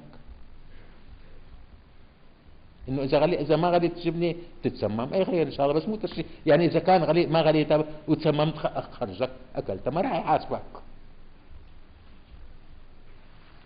كثير كثير شغله مهمه هي. لسبب. محمد عليه الصلاة والسلام كان مجتهدا في مقام النبوة ومعصوما في مقام الرسالة. لسبب عندما كان يوجه له اللوم كان يقول له يا أيها النبي إياكم أن يقول له يا أيها الرسول يستحيل. يستحيل يقول له ما كان لرسول أن يكون له أسرى حتى يسخن يستحيل. هذا يعني أنه الله اوحى له اقتل الأسرى هو ما رد على الله. هيك معناته معناته أنه الله قال له اقتل الأسرى قام هو قال له لا. لو قال له ما بصير. الثابت قال له لقد تاب الله على النبي والمهاجرين والأنصار. تاب الله تاب على النبي والمهاجرين والأنصار. مظبوط. والرسول بنى دولته من مقام النبوة. كثير شغله ننتبه بنى دولة من مقام إيش؟ النبوة. رسالته موجودة. موجودة رسالته. بس دولته مقام إيش؟ يعني يعني كان مجتهد في مقام النبوة. السبب كان يلومه مقام النبوة. لما توحي يا أيها النبي يا أيها النبي يعطي تعليمات من مقام النبوة. فهالمقامين كثير من بدنا نأكدهم نوصل بيناتهم. لسبب أنا بفصل بأنه انتبهوا تقولي لي سن أحاديث بأنه أوكم في أحاديث نبوية وأحاديث رسولية. ليش ما عم تميزوا بيناتهم؟ إنه هو رسول ونبي إيه ليش ليش ليش عم لي حديث؟ فوق بالك شو عم لي حديث. نبي ورسول. أنا عم أنه مقام عم يحكي ما بدي أعرف شو شو عم تحكي. يعني بدي بدي أعرف كيف اتبع اتبعك كيف بدي أحكي معك. قال لي قال لي أخي. ما حصل هالشيء هلأ نجي ل عم بحكي على الحركة المادة اللغة. ناخذ اللغة. شو مادة اللغة؟ صوت. مو أمواج؟ طيب الصوت حق؟ له وجود موضوعي ولا لا؟ والإنسان يصدر صوت في النطق. في النطق يصدر صوت. ولكن ليس من الضروري أن يكون قول الإنسان حق أبدا. لسبب قال ورب السماء إنه لحق مثل ما أنكم تنطقون. مزبوط نطق الإنسان حق. بس قوله مو حق مو ضروري يكون حق أبدا. عم يحكي على القرآن. قال له الأحكام قال له الأحكام مو حق. لأنه ما له وجود موضوعي. القرآن أوبجيكتيف له وجود موضوعي. قال له الأحكام قال له لا. الأحكام subjective له وجود ذاتي. ما له وجود برات ذهنك. لا سابسو قال له قال له قال له المصحف قال له المصحف قال له مو كله حق. قال له بس القرآن. يا زلمة انتبهوا. كثير شغلة دقيقة. الله بعث لنا رسالة. بالرسالة ما في إعجاز. إنه والله يا أيها الذين آمنوا كتب عليكم الصيام كما كتب على الذين من قبلكم. خير إن شاء الله. وين الإعجاز؟ المفروض ما يكون في إعجاز. المفروض ما يكون في إعجاز. المفروض. طيب. وين في صوم خارج الوعي الإنساني. يعني ممكن تعرض لي شيء اسمه صوم. أنا أقول هذا إنس أنا أرى إنسانا صائما. ولكن لا أرى الصوم. الصوم ما له وجود أوبجيكتيف لوحده. طيب أنا أرى إنسانا برا بوالديه. بس لا أرى بر الوالدين. فرب العالمين بعث لنا رسالة. قال هي رسالة من عندي. إن قالوا بر لك بر منين من عندك؟ قال له وقعت عليها. رب العالمين رسالته الأحكام وتوقيعه القرآن. قال له توقيعي هذا قال له ما حدا بيقدر يجيب منه توقيعي ما بيدلات هذا هو. قال له شو؟ قال له قال له ما كان هذا القرآن المفترى من دون الله ولكن تصديق الذي بين يديه. بين يديه يعني الأحكام. رسالة بين يديه. عم يصدقها ومعه شو؟ جاء تفصيل الكتاب. ليش؟ قال له انتبه. أسرار مفاتيح فهم الكتاب موجودة داخله برا لا تطلع. كل المفاتيح جواته. مف... الإنسان مفاتيح فهم الإنسان جسم الإنسان براته ولا جواته؟ الطبيعة الذرة جرا قال لك هذا كتابي. تقراه المفاتيح جوا. ما لا تدور عليها برا جوا موجودة. هي اللي اسمها تفصيل الكتاب. ما كان هذا القرآن أن يفترى من دون الله. قرآن. ولكن تصديق الذي بين يديه. الأحكام. وتفصيل الكتاب لا ريب فيه رب العالمين. شو تفصيل الكتاب؟ قال لك أعطيك مثال. إنا أنزلناه قرآنا عربيا لعلكم تعقلون. لك أخي طيب هي, هي, هي آية تتكلم عن القرآن. مو غيبية. ومو أحكام. ما لا هي قرآن لا يعني. قال له تفصيل الكتاب. عم تشرح لك. نفس الآية رقم سبعة آل عمران. هو الذي أنزل عليك الكتاب منه آيات محكمات أم كتاب وآخر متشابهات. طيب هي محكمات ولا متشابهات؟ قال له لا هي لا دي ولا دي. هي تفصيل الكتاب. عم أشرح لك يا يعني مفاتيح فهم الكتاب جواته مثل الطبيعة مو الطبيعة مفاتيحها جواتها وقال له هات جواته. دوروا عليها جوا. بتلاقوها جواته مو براته. لسبب لا تطلع براته مفاتيح فهم المصحف جوات المصحف موجودة لا تطلعوا لبرا. دوروا عليها هلا في ثلاثة صار. القرآن والذي بين يديه تفصيل الكتاب. القرآن هو النبوة تصديق وتكذيب. يعتمد لا سؤال. ذرني ومن يكذب بهذا الحديث. القرآن أحداث. أحداث من تشريعات أحداث كونية وإنسانية. لسبب حتى يبين لك وين الحرية الإنسانية جد. قال لك قال لك أرشيف عمل الإنسان والتاريخ الإنساني هو الإمام المبين. بلا اوعكم لا تقربوا على اللوح المحفوظ. شو اللوح المحفوظ هلأ نحن قعدتنا هلأ عم تتأرشف في الإمام المبين. إنا نحيي ونحيي الموتى وما نكتب ما قدموا وآثارهم وكل شيء أعصيناه في إمام مبين. هذا كتابنا ينطق عليكم بالحق إنا كنا نستنسخ ما كنتم تعملون. وين مكتوب سلف ليه جبتوها رب العالمين خلقنا أحرار 100% هو نحن عم نسجل على حالنا. والدليل قال تعالى لله الأمر من قبل ومن بعد. طيب قبل من قبل ومن بعد شو في؟ في الآن نحن. لله الأمر من قبل ومن بعد. ماشي. طيب بين من قبل وفي بعد وفي الآن؟ لمين؟ قالوا لنا لحظة الآن إلك. دائما إلك لحظة الآن. أنت عم تختار فيها واللي هي إلك. عم تقول من قبل لمن بعد. انتبهوا لسبب الإمام البوبين بتأرشف فيه الحدث بعدين بيجي. لسبب القصص القرآني اجى من الإمام المبين شو شو اللوح محفوظ؟ قال مكتوب أعمار وأرزاق أعمالنا وكذا قالوا اللوح محفوظ. اللوح محفوظ بقوانين الطبيعة ما بتتغير مشان حدا. قالوا تدعي اللوح يغير لك يغير لك قوانين الطبيعة ما بيغير لك اياها قرن شوفوا قرن الحدث الكوني بالحدث الإنساني. قرنه فهو قرآن. يقول لك يأكد لك نحن نقص عليك أحسن القصص بما أوحينا إليك هذا القرآن. طيب القرآن القصص جزء القصص من القرآن شو اسمه؟ اسمه الكتاب المبين. ألف لام ميم تلك آيات الكتاب المبين. واضحك على سورة يوسف. اكتبوا بقى أعطاك خمس مصطلحات. ورا بعض حامين والكتاب المبين. إنا جعلناه قرآن عربيا لعلكم تعقلون. وإنه في أم الكتاب لدينا لعلي حكيم. أفنضرب الذكر عنكم صفحا عن كتب وهم مسلمين. خمس مصطلحات ورا بعض عم يعيد يعني. كل واحد لحاله.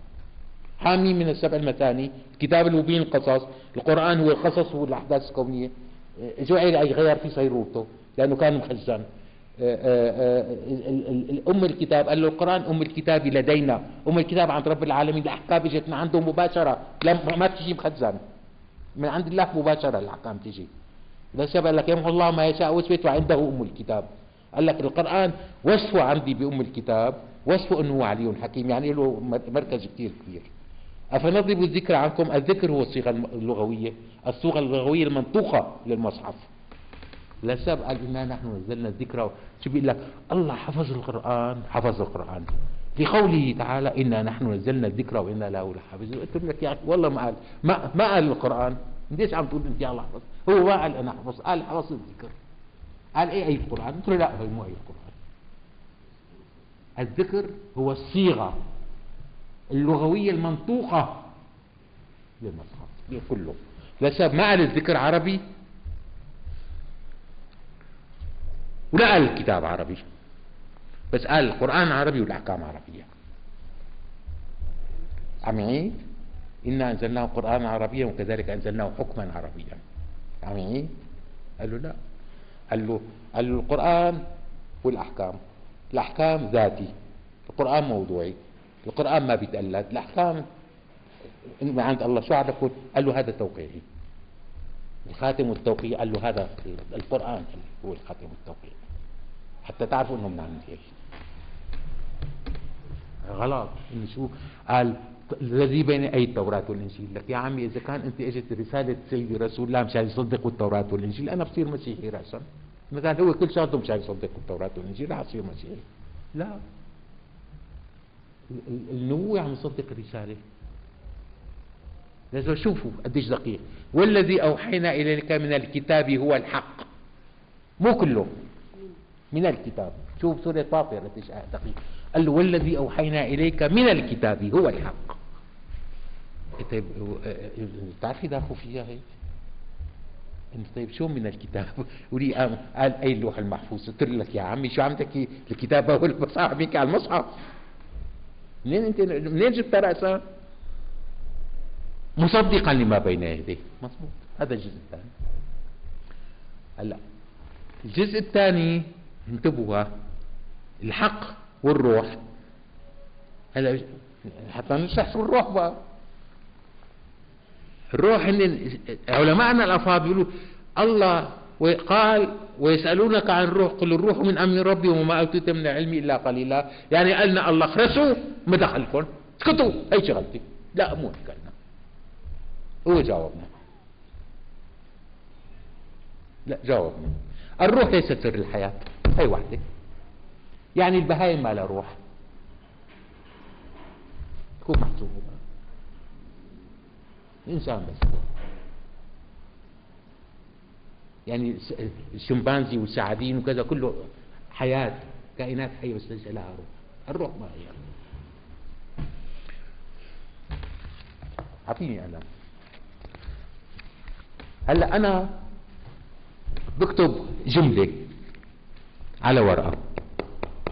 المادة هي هي الورق والحبر. هي المادة.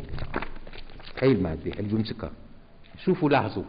شو رب العالمين قال له وقت حكى على المادة. قال له هي تمسك بالي ولو أنا نزلنا عليك نزلنا مو أنزلنا نزلنا عليك كتابا في قرطاس فلمسوه بأيديهم. لقال الذين كفروا إن هذا إلا سحر مبين. قال له الكتاب في قرطاس يعني حطيناه في قرطاسية لأن الكتاب مو شرط يكون قرطاس الكتاب الكتاب يعني التأليف.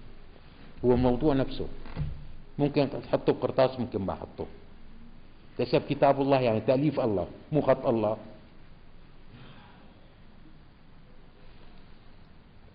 هلا المادة هذا حق وجود. بس بدي اسالك وقت تقرا الجملة أنت؟ وقت بتقرأ الجملة؟ معنى هالجملة بذهنك. هل هو مادي؟ ما ما ما ما يأتي معنى من هذه الجملة ان تكون. هذه هي الروح. كن واضحه هي المعرفة والتشريع.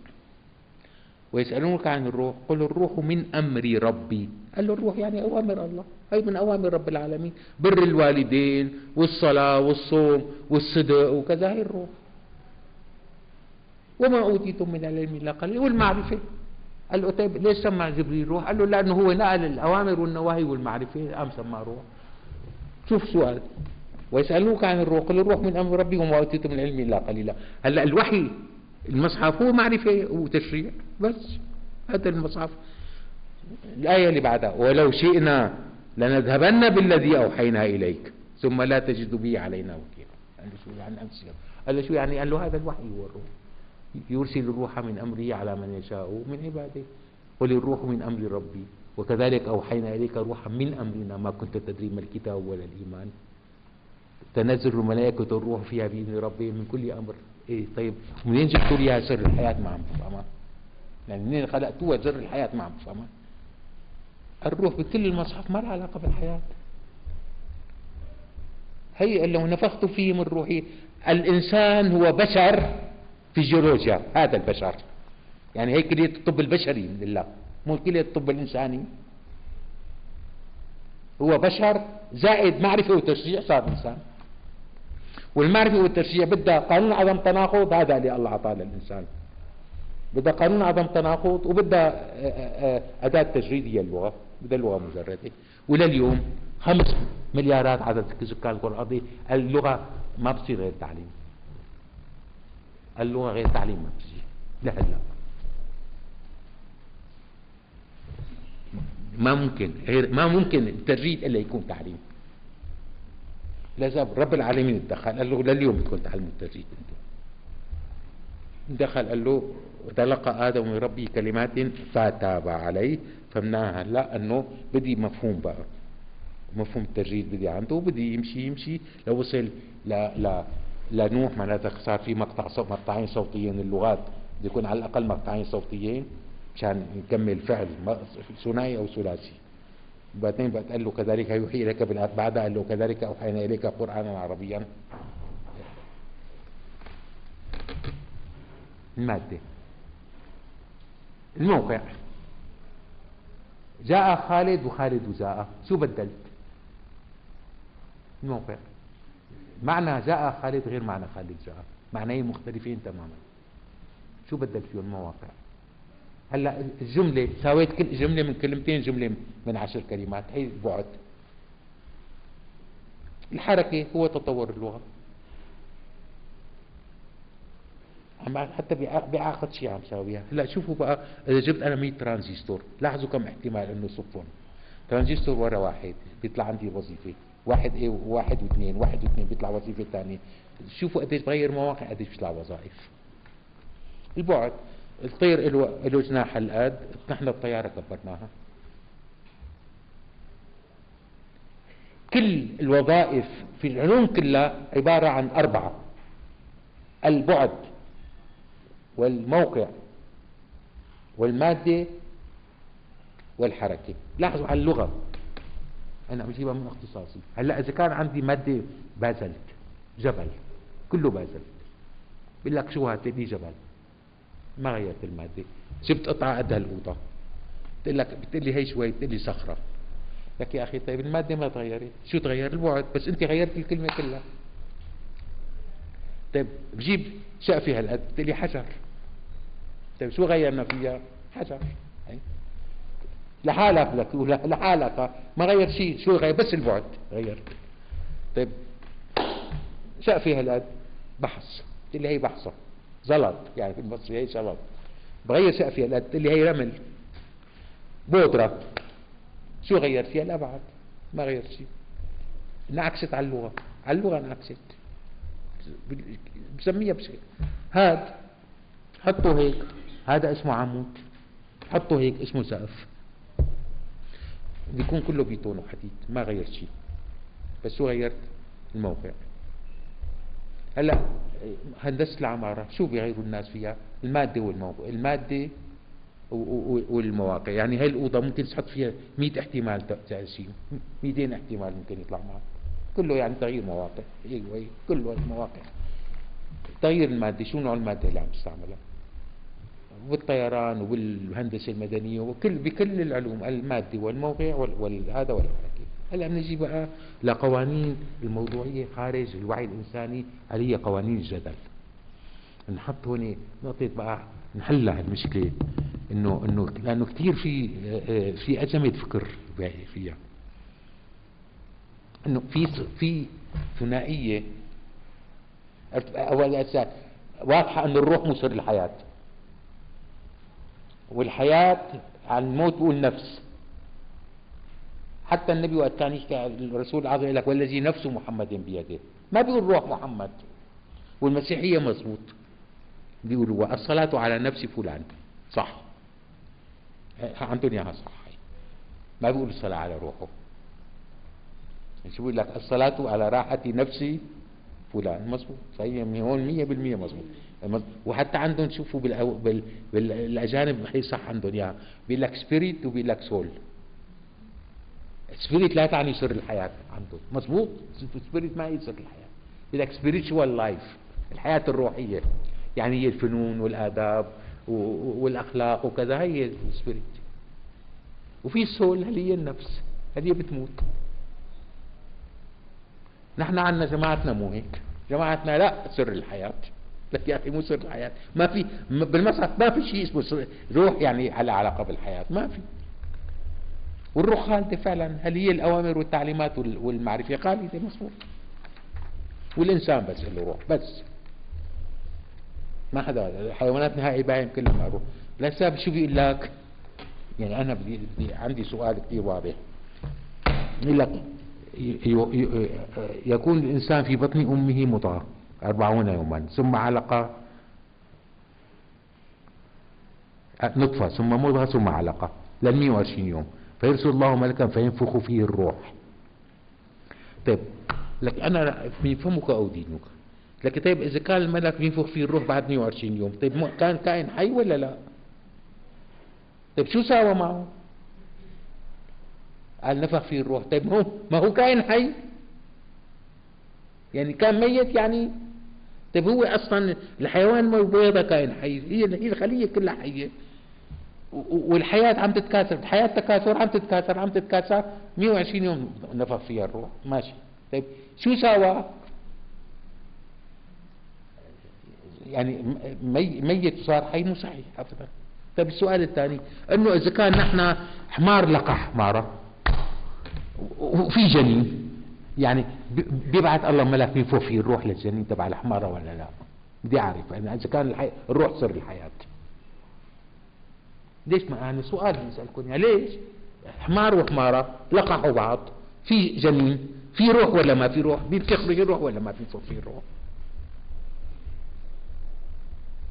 ما مو صحيح. لا. الروح شو الروح؟ بيعطيه قانون عدم التناقض. ثم أنشأناه خلقا آخر. شو أعطاه قانون إيش؟ عدم التناقض. وهذا لأنه هذا هذا بأنسنه بهذا القانون بيقدر يتعلم وبيفهم التشريع والتعليم وبيقدر يجرب. يعني هن مش إنه والله نفخ فيه الروح. لك أخي من الروح انت أنتم من فمكم عم تقولوا إنه الروح هذا الكلام يعني إنه الروح مو سر الحياة. هيك يعني؟ وليش جبتوا سر الحياة؟ طلعت روحه. شلون طلعت روحه؟ لسبب البهايم ما فيها روح فيها حياة. بس ما فيها روح. نجي بقى للجدل واحد. ولقد صرفنا في هذا القرآن للناس من كل مثل وكان الإنسان أكثر شيء جدلا. والجدل في كتاب الله لا يستعمل إلا مع اثنين أضداد في جدل وفي خطاب وفي حوار. المصحف مستعملين ثلاثة. جدل وخطاب وحوار. ويجادل الذين كفروا بالباطل ليدحضوا به الحق. جدل بين ضدين الحق والباطل. حوار بين الشمال والجنوب يعني مو يعني مو متخاصمين مو ضدين يعني. يعني كانت المرأة عم تحاور النبي لقد سمع الله قول التي تجادلك في زوجها والله يسمع تحاوركما قال لك تجادلك انتبه يعني في في موقف ما إنه هي بدها وما بدها انتبهوا بس الحوار إنه هي مو ضدك هي والله يسمع تحت الخطاب من طرف واحد. قال له, له ولا تخاطبني في الذين ظلموا فإنهم مغرقون. قال لا تحكي. الخطاب وقت واحد بيحكي بس. والحوار اثنين ما فيهم اضداد والجدل بين اضداد هلأ قلنا قوانين الجدل. في ثلاث ثنائيات. التناقضات ال contradiction والأزواج ال parity والأضداد ال opposition مو مثل بعض دول ثلاثة مو مثل بعض. ال contradiction غير الأضداد.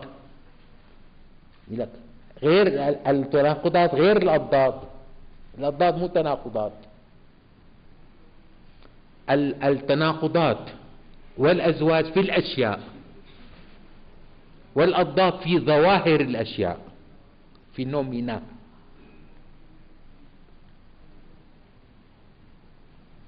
الليل والنهار الشمس الأرض والشمس شيء.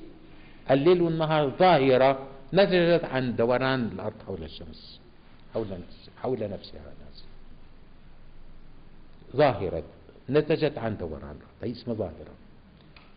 وهناك الأضداد في ظواهر الأشياء ولا وحدة. العمى والبصر وحدتهم العين أو الأبصار الشهيق والزفير وحدتهم التنفس. دائما له وحدة ضدين له وحدة دائما فيهم. التناقضات. الليل والنهار كله هذا كله موجود الأضداد موجودة الحق والباطل دائما. تناقضات في القرآن شارحها تماما في القرآن. وقال لك هي قانون جذري. شو التناقض؟ قال لك أحمد مو أحمد. هذا التناقض والطبيعة تقوم على هذا. أنا ومو أنا. هذا التناقض. يا أيها الناس إن كنتم في ريب من البعث.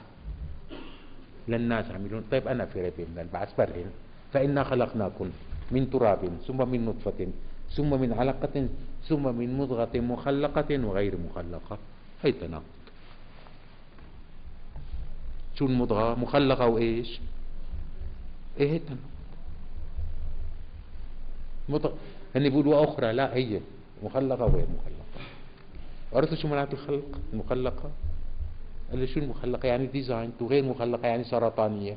قال له شو؟ قال له معناتها النمو المضغة تنمو. وما ضغطه العداوة يعني ما ضغطه الشيء يعني عاودته العداوة. في مماضغة في في مماحته هي المماضغة؟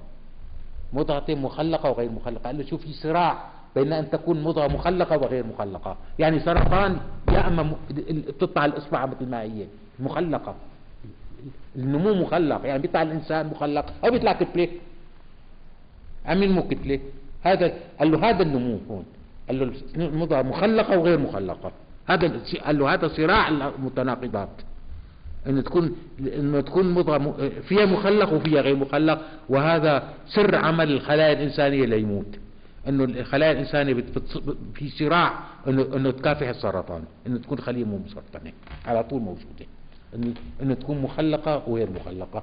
والمخلقة إذا غلبت الغير مخلقة بتكون النمو عادي الغير مخلقة غلبتها بيكون نمو سرطاني يعني وقت قال مخلق يعني في نمو.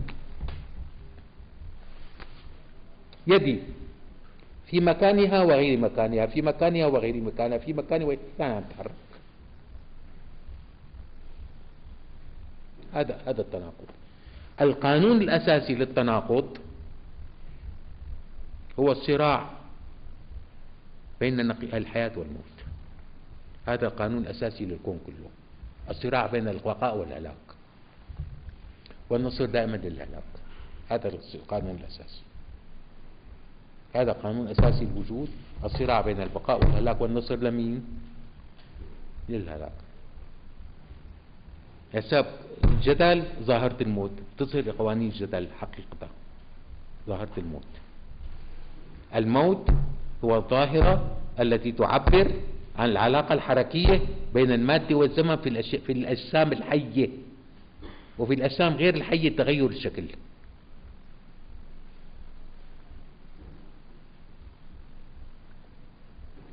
ولولا الموت في ضدين نقيضين. الموت هو الظاهرة الكامنة وراء سعادة البشر كلهم. والظاهرة الكامنة وراء حزن البشر كلهم. هو نفسه. لأنه لولا الموت ما بصير تغيير. وهو الظاهرة الكامنة وراء سعادة البشر كلهم والظاهرة الكامنة وراء حزن البشر كلهم. اثنتين موجودين فيه. الأزواج ومن كل شيء خلقنا زوجين اثنين. إذا الأضداد هو قانون موجود في الشيء الواحد. عفوا التناقضات هو موجود في يعني يدي هي يدي وليست يدي يعني, يعني عم تتغير. أي معناتها؟ أما الأزواج هي هي هي زوج هي الأزواج هو قانون التكيف. هذا قانون الزوجية. هو قانون التكيف بين الأشياء. وقانون الأضداد في ظواهر الأشياء. يدي. زوجين. يدي. هي يدي وليست يدي يعني تتغير. قبض وبسط هي الأضداد ظواهر الأشياء قبض والبسط هاي مو شيء أي ظاهرة. الغنى والفقر ظاهرة. الشيء هو المجتمع الناس هذا الشيء. الغنى والفقر هو ظاهرة. هي قوانين مو منطق. المنطق ما في غير منطق واحد اللوجيك واحد ما في غيره. هو يقوم على قانون عدم التناقض هذا هو مس والإنسان عم يقلد رب العالمين بإيش؟ إنه عنده رياضيات رياضيات سابقة معناتها في الإنسان بعلوم العدم كمان عنده شغلات آه، آه، بيحط فيها علاقات مجردة ومعناها في جاي بيظهر بعدين. مثل رب العالمين علم الله في علمه. كانت دالات بدون مدلولات اللي علم رياضي بحت. ثم ظهرت المدلولات. هذه هو كلمات رب العالمين؟ لاحظوا قديش الحرية كثير كبيرة صارت قديش الحرية واضحة صارت.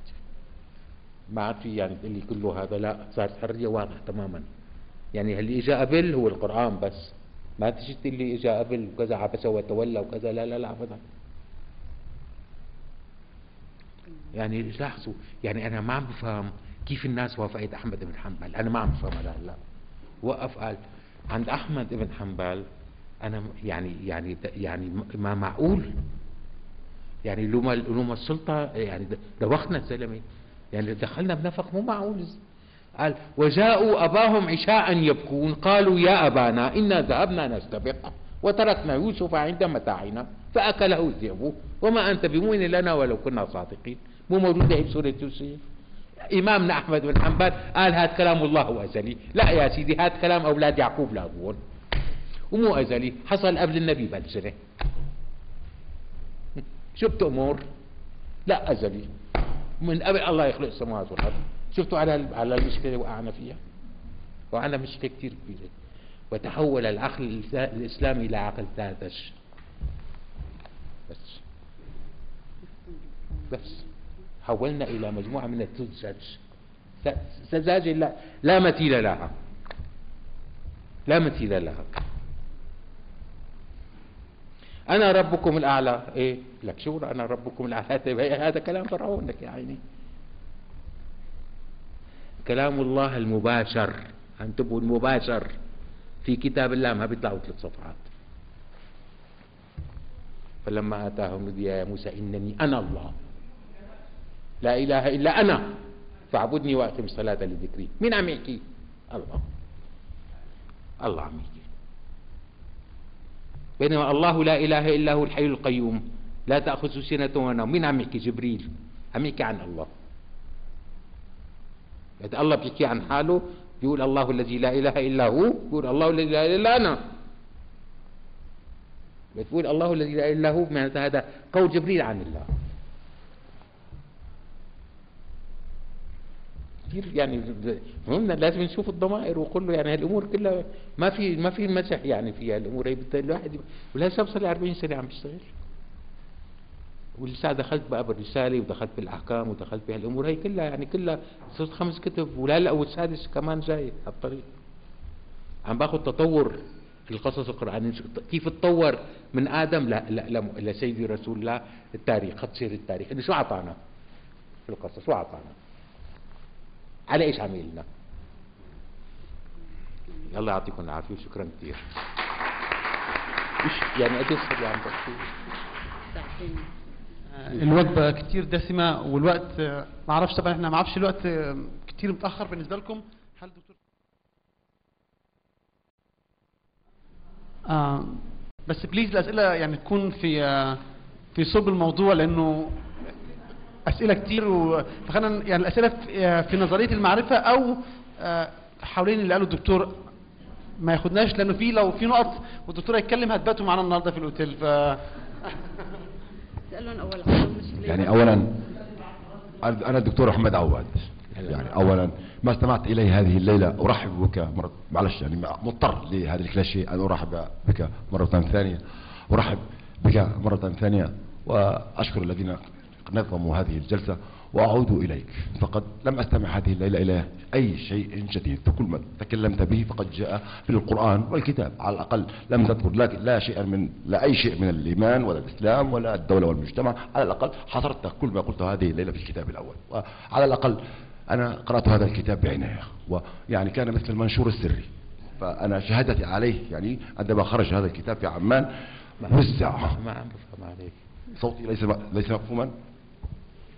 سريع شوي. في الصوت. سامعني هيك؟ سامعني؟ أوكي دكتور. قلت يعني يكفي أن ترى نصرك يعني في هذا في القرآن والكتاب ان أن تسمع تجربتي. سمعنا أنه هناك كتاب منشور سري ممنوع ان يوزع في البلد باسمه القرآن والكتاب. فجئنا بنسخة من سوريا وصورناها 10 15 في سنه 90 91 ثم فيما بعد ذلك سمحوا به وإلى آخره.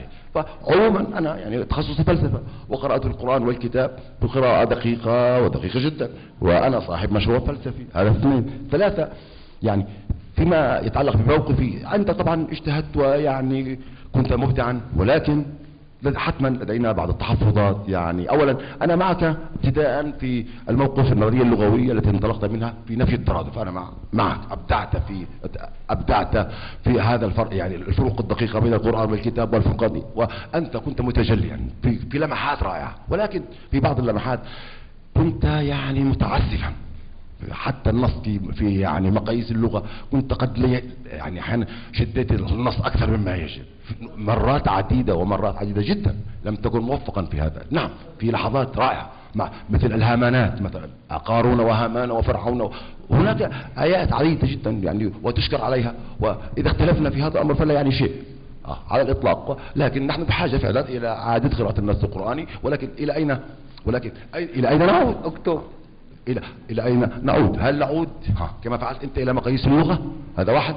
لماذا لا نعود إلى مثلا خذ أبو القاسم الحاج حمد مثلا. اعتبر النص القرآني فعلا مدونة لغوية مثل المصطلحات الرياضية وعلينا إعادة قراءتها مثلا بالاستناد إلى نفس القرآن. لا يجوز مخالفة الكلمة إلا بالكلمة. فأنت يعني كيف نسخ بصاحب مقاييس اللغة مثلا؟ ها هذا سؤال أنت عارف مثلا صاحب المقاييس تأخر. خذ اثنين. أنت قدمت نفسك بوصفك ماركسية. أنت لست ماركسيا كفروك لانك ماركسي لأن الماركس التقليدي الماركس التقليدي مكفر. يعني لا يعترفون بوجود الله. لا يعترفون بأن هناك إله خارق لهذا العالم هذا موقف ماركس. الدين في الشعوب يا سيدي كما تعلم. وموقف انجلز قال قدمت نفسك بأنك ماركسي. أنا ماري ماركس أنا لست ماركسيا. أنا عارف. وهم كفروك لأنهم يظنون أنك ماركسي أنك أنت لست ماركسيا وحتى عندما بس لكني ولكني لا لا أزم ماركس. أنت ما أنت لديك أحترم, كل الفلاسفة. ماركس لم يقدم ماركس لم يقدم ماركس لم يقدم نظرية في الدين وانجلز وكذلك لينين وكذلك كل شراح السوفيت عجزوا عن تقديم هذه النظرية. كان يفترض فيك إذا أردت أن تتبنى نظرية الجدل أن تقدم لنا عرضا نظريا لهذه النظرية. أنت لم تقدمها. هذه نقطة الضعف. وعابوا عليك تأويل العلم أيضا. العلم يعني قدمت لنا خذ نظرية الانفجار الكوني مثلا. كانت الاتحاد السوفيتي رفضها مثلا. وأنت تعلم أنهم في الاتحاد السوفيتي رفضوها في التأويل في التأويل. أنا معك ولكن نظرية الانفجار الكوني يختلف الناس عليها. هشام غطي في عمان أن وهو أستاذ فيزياء يقول هذه تدل على أن الله ليس موجودا. وأنت تقول أن الله موجود. أك- أكتفي بهذا القدر. طبعا أكيد بس اسف دكتور زلمه إياد أطول طبعاً. بالك. اولا آه، آه، في شغلة هامة. آه، بالنسبة للقوانين الجدل أنا آسف إلا قوانين الجدل قريت كل الكتب ال- العربية اللي شرحت قوانين الجدل ما شفتها موفقة في شرحها ما أنا آسف لك يعني أنا قريتها في الروسي وقريت بهيجل بس الكتب العربية غير موفقة كانت نهائيا. وأنا حاولت أشرح قوانين الجدل مو انطلاقا من حبي لماركس أو كرهي له انطلاقا إنه في الجدل قوانين موجودة وتستحق الدراسة و- وقوانين موضوعية هي.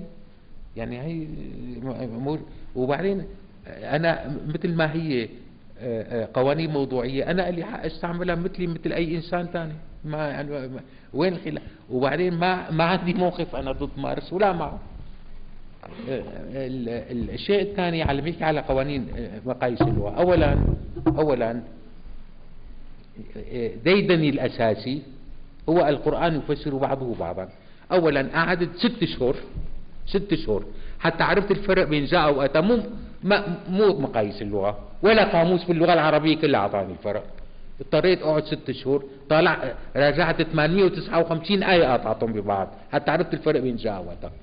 ما أخذتهم مقاييس اللغة. والآن أنا في صدد وضع قاموس بلا ترادف. غير ما بدنا مقاييس اللغة. بدي أقطع قاموس ما في ترادف. جديد. اقعد اقعد سنين حتى اعرف الفرق بين النبأ والخبر. ما حدا قال لي إياه ولا لقيته ولا بقاموس شو الفرق بين ليش محمد نبي مو مخبر؟ ما لقيته. بلا قواميس قواقيس لغة بلا زمخشري بلا حدا ما لقيته. جاء وأتى ما لقيته. كله بدل هي هي هي شو هي هي هي؟ الفعل والعمل ما لقيت الفرق. الإحصاء والعد ما لقيت الفرق طلعت لحالي وصير قاطع القرآن. ضل قاطع الآيات ببعضها آيات الآيات ببعضها وأربطها آيات الآيات ببعضها وأربطها حتى الاقي المعنى إنه هذا المعنى هذه لقط تماما معنى يعني وقت أخذت لوجدت إنه أفضل قاموس أفضل قاموس من القواميس الموجودة بالمراجع. هو معجم مقاييس اللغة لابن فارس. بس ما هو perfect ما هو perfect وجوا ناس قالوا محمد شحرور قدس الله سره. وهيك قال محمد شحرور فلعنة الله عليهم. فلعنة الله عليهم. إذا ما جاوزوني واضح كلامي؟ لعنة الله عليهم إذا ما جاوزوني حتى في الكتب تصحح كتاب بعد يعني كتاب. يقول لي والله فلان لا لا أخي. اقروا أنتوا استعملوا أدوات معرفية أحسن وطالعوا أحسن.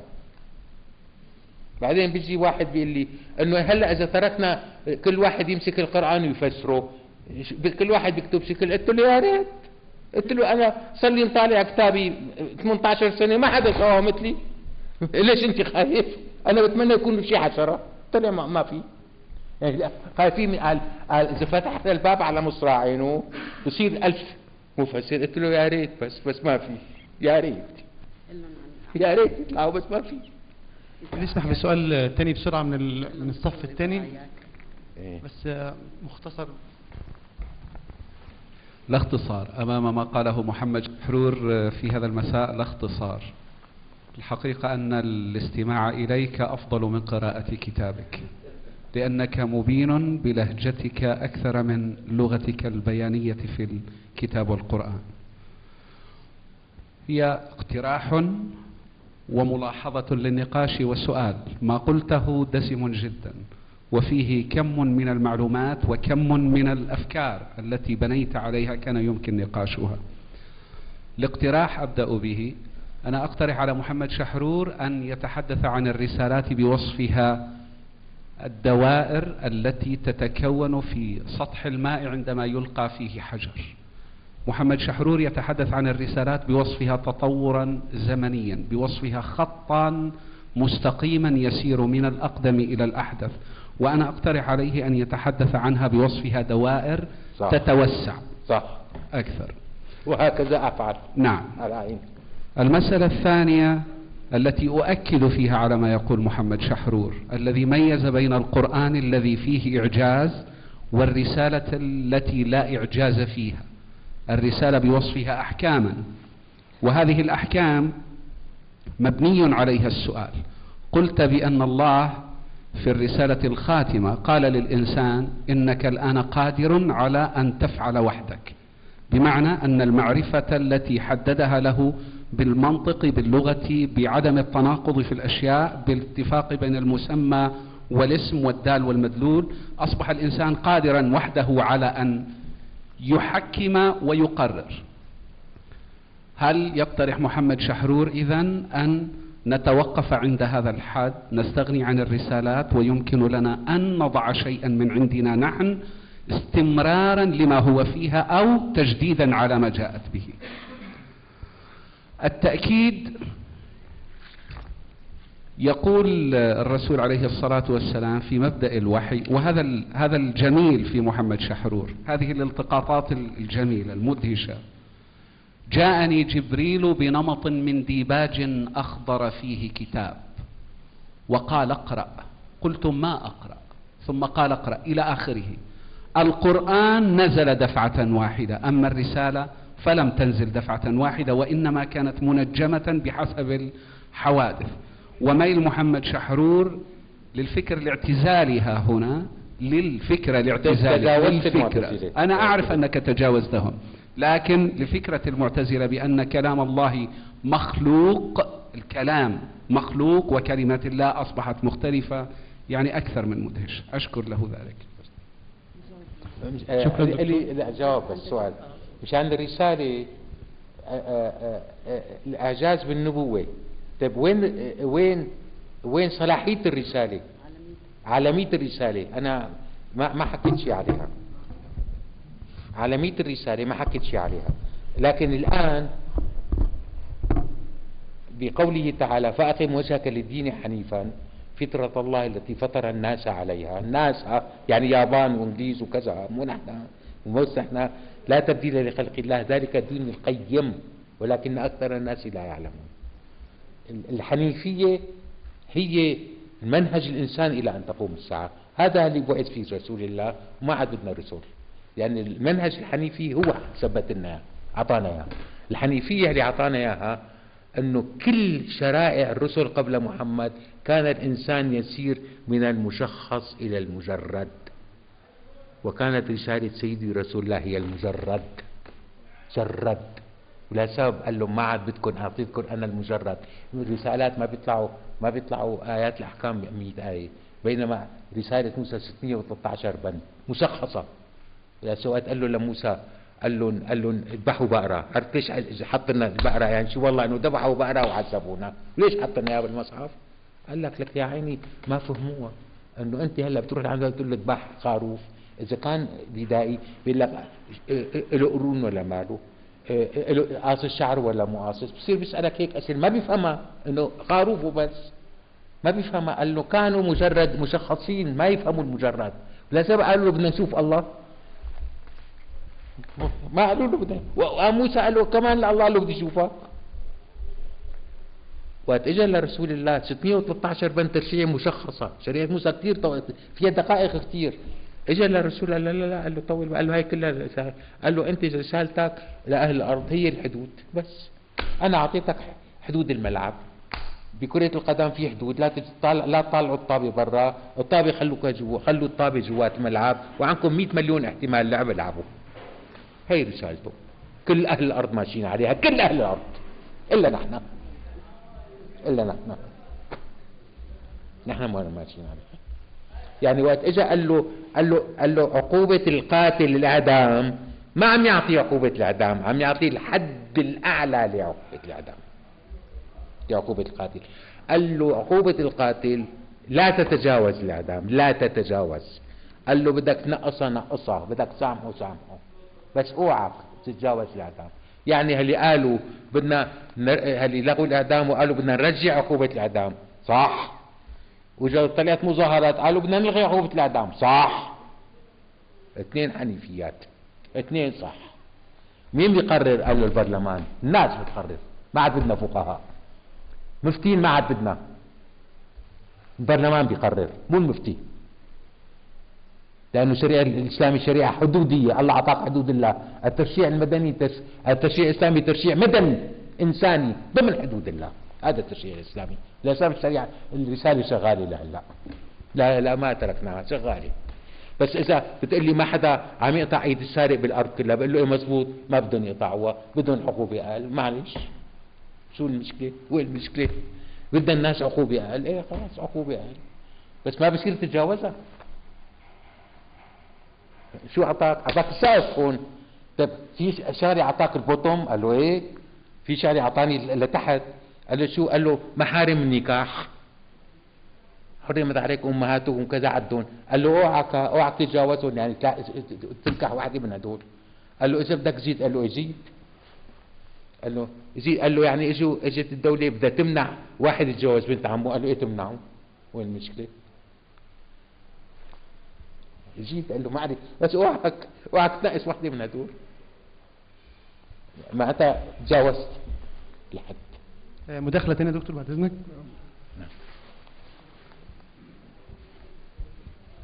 مساء الخير آه، عمر أبو رصاع من عمان.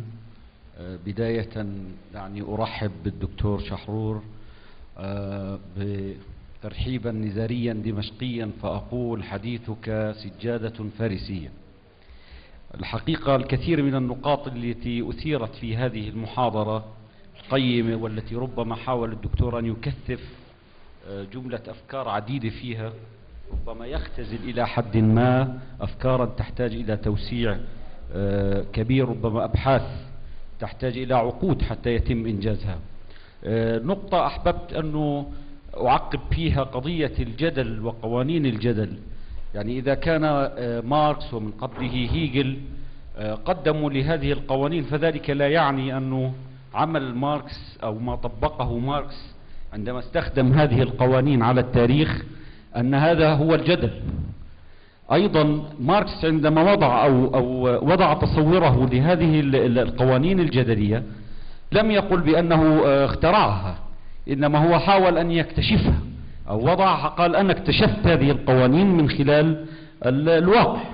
وبالتالي عندما أستخدمها أنا في التحليل أو استخدمها الدكتور أو قرأها الدكتور استعملها في قراءته باعتقادي لا يعني ذلك آه، ماركسية. بينما ممكن أن أقول أن الماركسية عمل ينصرف لقراءة ماركس على التاريخ. ذلك شأن آخر. أو تطبيقات ماركس قراءته للتاريخ مستعملا الجدل أعود إلى محتوى المحاضرة الحقيقة. استوقفني في البداية سؤال أكتفي به لأن ال... إذا س... سنقضي للفجر كما تفضل الأستاذ. تحدثت دكتور وقلت أن ال- أنه أنا أتكلم عن وحي بالنص والمحتوى. فأنا أقف عند كلمة بالنص وأضع تحتها ثلاثة خطوط وأتساءل عندما أقول النص أين هذا النص؟ من الخطاب ومن الرسم. هل ترى بأن الرسم هو جزء من ال من من, من هذا النص أم نتكلم عن النص بصفته خطابا؟ شكرا. ما ما, فهمت. أنا سعيد السؤال ما فهمته.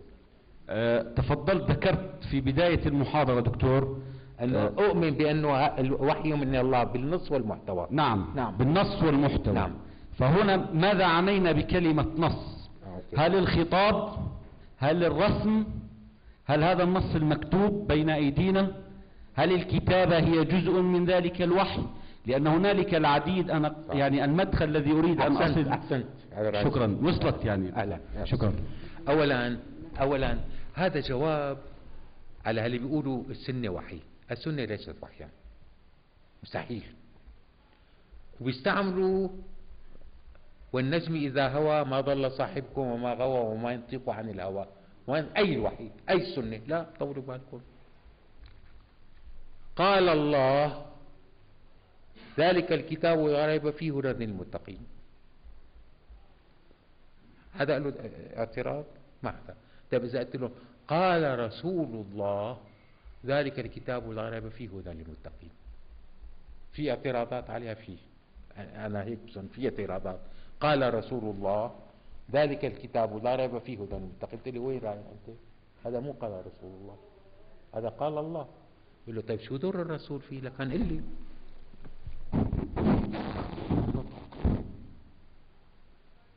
هذا بقول لكم قال الله نطق رسول الله.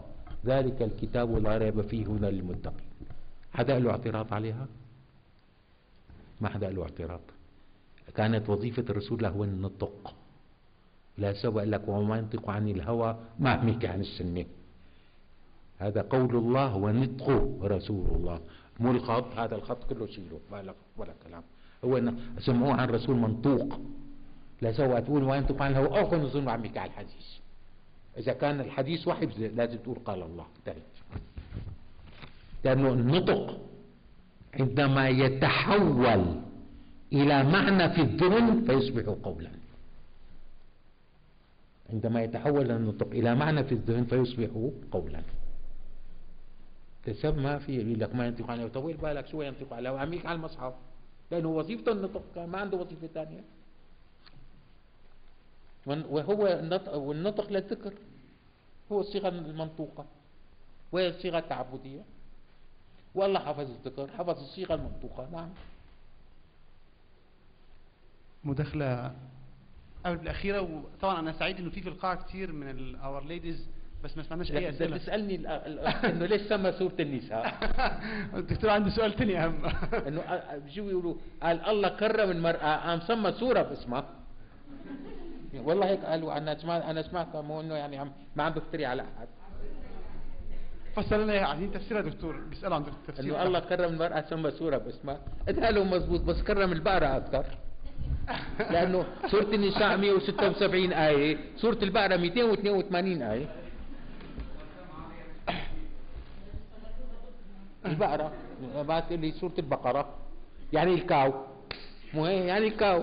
يعني اثنين. والله كرم النمل وكرم النحل. طيب كله قبلنا بس في هي. كرم المنافقين. في سورة اسمها سورة المنافقين. إذا تكريم. لا المنافقين وسورة الكافرون. قل يا أيها الكافرون سورة الكافرون كمان في غيره بقى. هذا كلهم كذب ما شو هذا هذا كلام مفروض هذا كله. لا هذا بي هي مساودة على النساء. وبعدين سورة النساء وسورة البقرة سورة البقرة ما لها علاقة بالكاو ها ديروا بالكم. اطلاقا ما لها علاقة بالكاو. هي هذا اسمه الامبيجويتي هذه اسمها هذا مقصودة. بيقول لك الآيات متشابهات. يعني مقصودة مقصودة. الصياغة مقصودة. الصياغة غامضة مقصودة. مشان ضل تدور مع الوقت. هلأ بت- بتطالع فعل بقرة. بتشوف كل شيء إلا البقرة. هاي الكاو. هلا في واحد ابوه لجعفر الصادق اسمه محمد الباقر. هو في بقر من العلم والولد والمال. كثير عنده. قال له سورة البقرة قال له هي الحاوية. في هي أكبر سورة بالمصحف أكبر عدد من الآيات وأكثر سورة فيها مواضيع حاوية المواضيع. قال له هي الحاوية هي البقرة. مشان مشان يزيد بقى الإبهام فيها البقرة هذه هي الكاو؟ جوا. اذبحوا بقرة حطها جوا. وهي وتشابهت علينا والنساء من النسيء هي التأخير. سورة النساء. افتحوا سورة النساء وشوفوا الكتاب المقدس. بتشافوا أحكام سورة النساء. لم تأتي إلى رسول قبل محمد. أخر له. هي المتأخرات اسمها. سورة إيش؟ المتأخرات. يعني ما أجوا لرسول قبله. كله تأخروا له. أخروا لعنده هلا هي سورة النساء.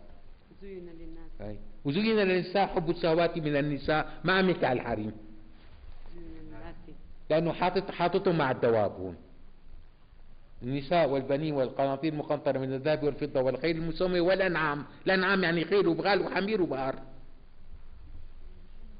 حاطط النسوان معهم. زين للناس. والله هيك شيء هيك هلا النساء يعني لا لا بالدروس بيقول لك فتنة المرأة ما صار له كذا شهر بالشريعة والحياة قال فتنة المرأة بدي زين للناس حب الشهوات من النساء. ولك طيب ولك فتنة يعني يا جماعة في يعني كمان لو كان إنه يعني أنا بستغرب إنه ما بيفتحوا مصحف يعني ما بيقروا يعني والله غريبة يعني بستغرب إنه أحيانا بشك إنه أنتم بتصحف تفتحوا مصحف يعني تقروه. لك لك الفتنة الفتنة الفتنة ومشتقاتها جاية بالمصحف 60 مرة. ولا مرة فيها مرة. يعني الفتنة مع النساء ومع المرأة. ولا مرة مذكورة. يعني ما في الفتنة مع المرأة مو مذكورة ولا مرة. عم يحكي على شغلات ثانية. ما عدا المرأة. ما في فتنة. وليش حط لي فتنة مرأة على الفتنة يعني يعني إنه ليش فتنة؟ قال النساء قال النساء النسوان. يعني النسوان والبهايم صاروا مع بعض يعني حاطط فيها بتقول لي الله كرم المرأة. شو كرم المرأة؟ إذا كرم المرأة حاططها مع الب- مع البهايم. وبعدين فاتقوا الذي أمدكم بما تعلمون. أمدكم بأنعام وبنين. قال شو؟ قال بنين يعني صبيان. إنه الله حط إنه شوفوا عم يمننا. إنه أعطيتكم صبيان وبهايم. حطهم مع بعض. أنعام وبنين. هيك أمدكم بأنعام وبنين. أعطيتكم صبيان هاد بنين صبيان وبهايم. لكن إذا كان عم تمننا أعطيتنا صبيان وبهايم ليش كان عم تقلنا إذا بشر أحدهم بالأنثى؟ لازم آه، يعني آه، لا لا- لازم ما تلومنا. هي كل هالامور هي في هي متشابهات يا جماعة. هي ايات متشابهات فيها فيها فيها فيها هذا فيها التباس كثير مقصودة. آخر شيء قدموا العلم الاكتشافات. الإنسان استقر. استقر. متى؟ بنى. واستقر متى؟ عندما ذلل الانعام إمتى استقر الإنسان عندما ذلل الانعام تذليل الأنعام بالمصحف. شوفوا شو عم يعطيك بالنبوة. بين نوح وهود. اقروا نوح. الأنعام مو مذكورة. ابدا. ما في يعني يعني على زمان نوح ما في خيل وبغال وحمير يعني الانسان بيستعملها ما في. كان في طير وماطير وكذا. هو كان الأنعام غير مذلله لسبب نوح اقروا نوح ما في أنعام. اجا بين نوح وهود واتقوا الذي عم على قوم هود. امدكم بما تعلمون؟ امدكم بأنعام وبنين؟ قال له الإنسان استقر وبنى عندما ذلل الأنعام فربط الأنعام بالبناء. هيك زبطت ربط الأنعام بالبناء. البنين مفردة بنانة كل شيء مفرده في هاء باخره بنانة جمع بنان جمع الجمع بنون. أمدكم بأنعام وبنين. بنون المال والبنون. البنون هون مو صبيان. البنون الأبنية العقارات. الأبنية غير المواد غير منقولة فقال له أمدكم أمدكم بأنعام وبنين. معناته قال له, قال له إمتى صار الاستقرار؟ قال له صار بين نوح وهود استقر الإنسان. وبنى. قام الآية اللي بعدها شو قال لك؟ أتبنون بكل ريع آية تعبثون؟ باطل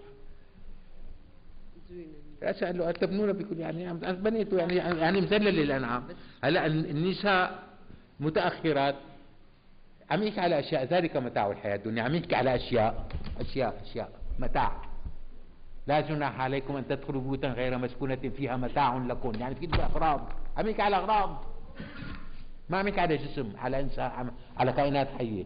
النساء هي المتأخرات جمع نسيء والنسيء هو المتأخر. قال له هي الشهوة رقم واحد عند أهل الأرض عند الذكور والإناث. السيارة موديل 2008 إجت متأخرة عن 2007 قال له هي الإنسان بيشتريها أكثر. كل شيء جديد. هي الشهوة كل شيء كل شيء مستجد من الأشياء. ما تأخر ظهوره من الأشياء. هي الشهوة تبعكم.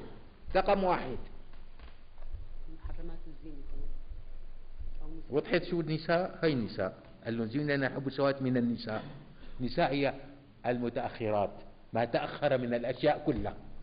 هي هي هي شهوة.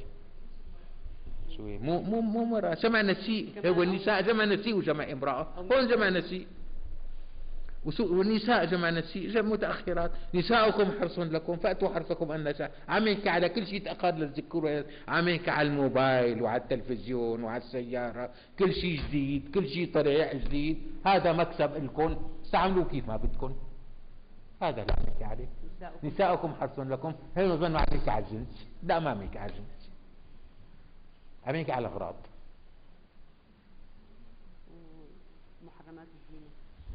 يعني ولا يعني زينتهن. كمان وقت قال أو نسائهن ما عم يحكي على على نسوان.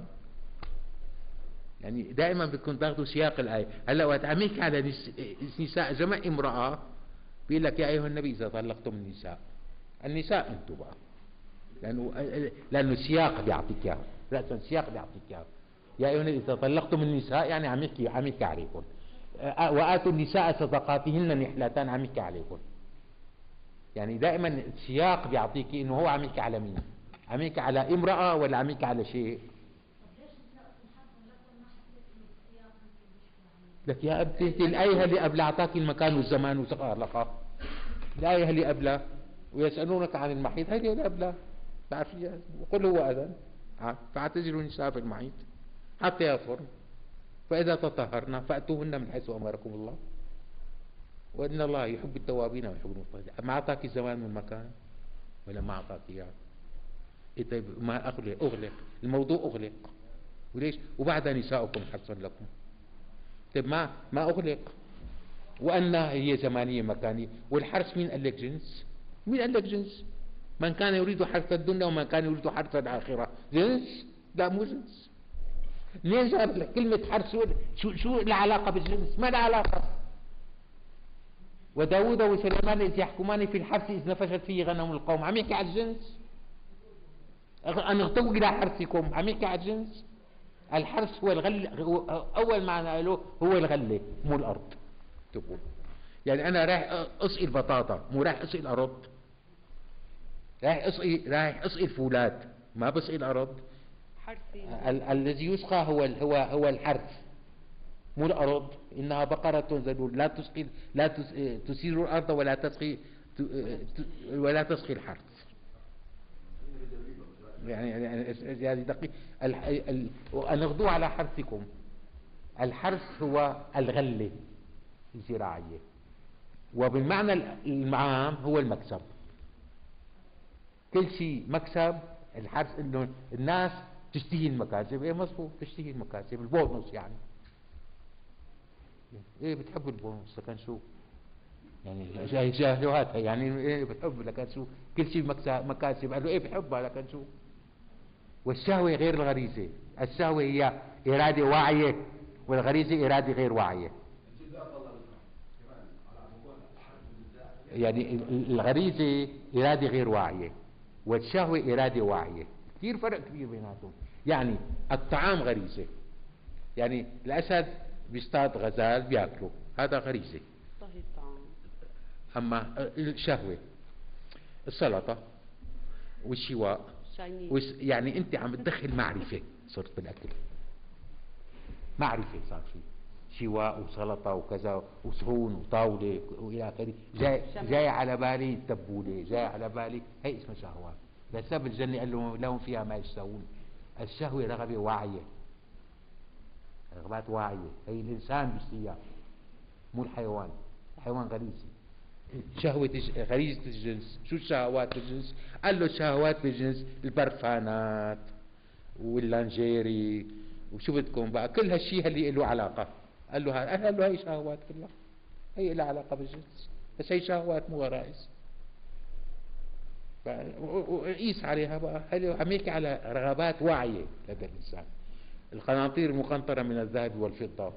قال له ليش؟ قال له لأنه لأنه الذهب هو بباطن الأرض ما حدا بيشتهيه يعني أنت بتشتهي فلزات ذهب موجودة على عمق كيلومتر بجنوب أفريقيا ما حدا بيشتهيها قال له بشتهي أنا القناطير المخنطرة بس بتكون مخنطرة إذا مخنطرة ما بشتهيها مقنطرة. عرفت شو يعني مقنطرة؟ تكفي القناطر الخيرية شو يعني؟ القنطرة شو شكلها؟ curve لك روحوا على الصاغة في في قطعة صيغة ما فيها curve. كل الصيغة الدنيا كلها شوفوها ما في قطعة صيغة ما فيها منحني. قال له قناطير مقنطرة. قال له قال له الصيغة بدها تكون مقنطرة. روحوا على على محلات صيغة وتفرجوا. الأساور والحلق والكذا. الا إلا يحط فيها ي- يتنيها شوي يعني. المقنطرة. ليش يعني؟ عم يحكي على إيش؟ عم يحكي على الذهب المصنع. على إيش عم يحكي؟ المصنع يعني دخل فيه المعرفة الإنسانية صار شهوة. شو دخلت فيه؟ المعرفة الإنسانية صار شهوة. يعني هذا قرآن يا جماعة دقيق كثير. لا سواء زين للناس. قال له إيه؟ قال له الناس طبعا ذكور اناث هذول. بيشتوا هذا كله. مزبوط أنا شاكر كثير حضوركم. شكرا كثير. في شيء؟ هن هن كثير كانوا حابين دكتور آه، يحكوا عن آه، يعني حظ لا. الحسين. أ- جلسة ثانية إن شاء الله بنجي زيارة ثانية بإذن الله. آه، بنشوف كتير على على مجيئكم وتصبحوا على خير. باي باي.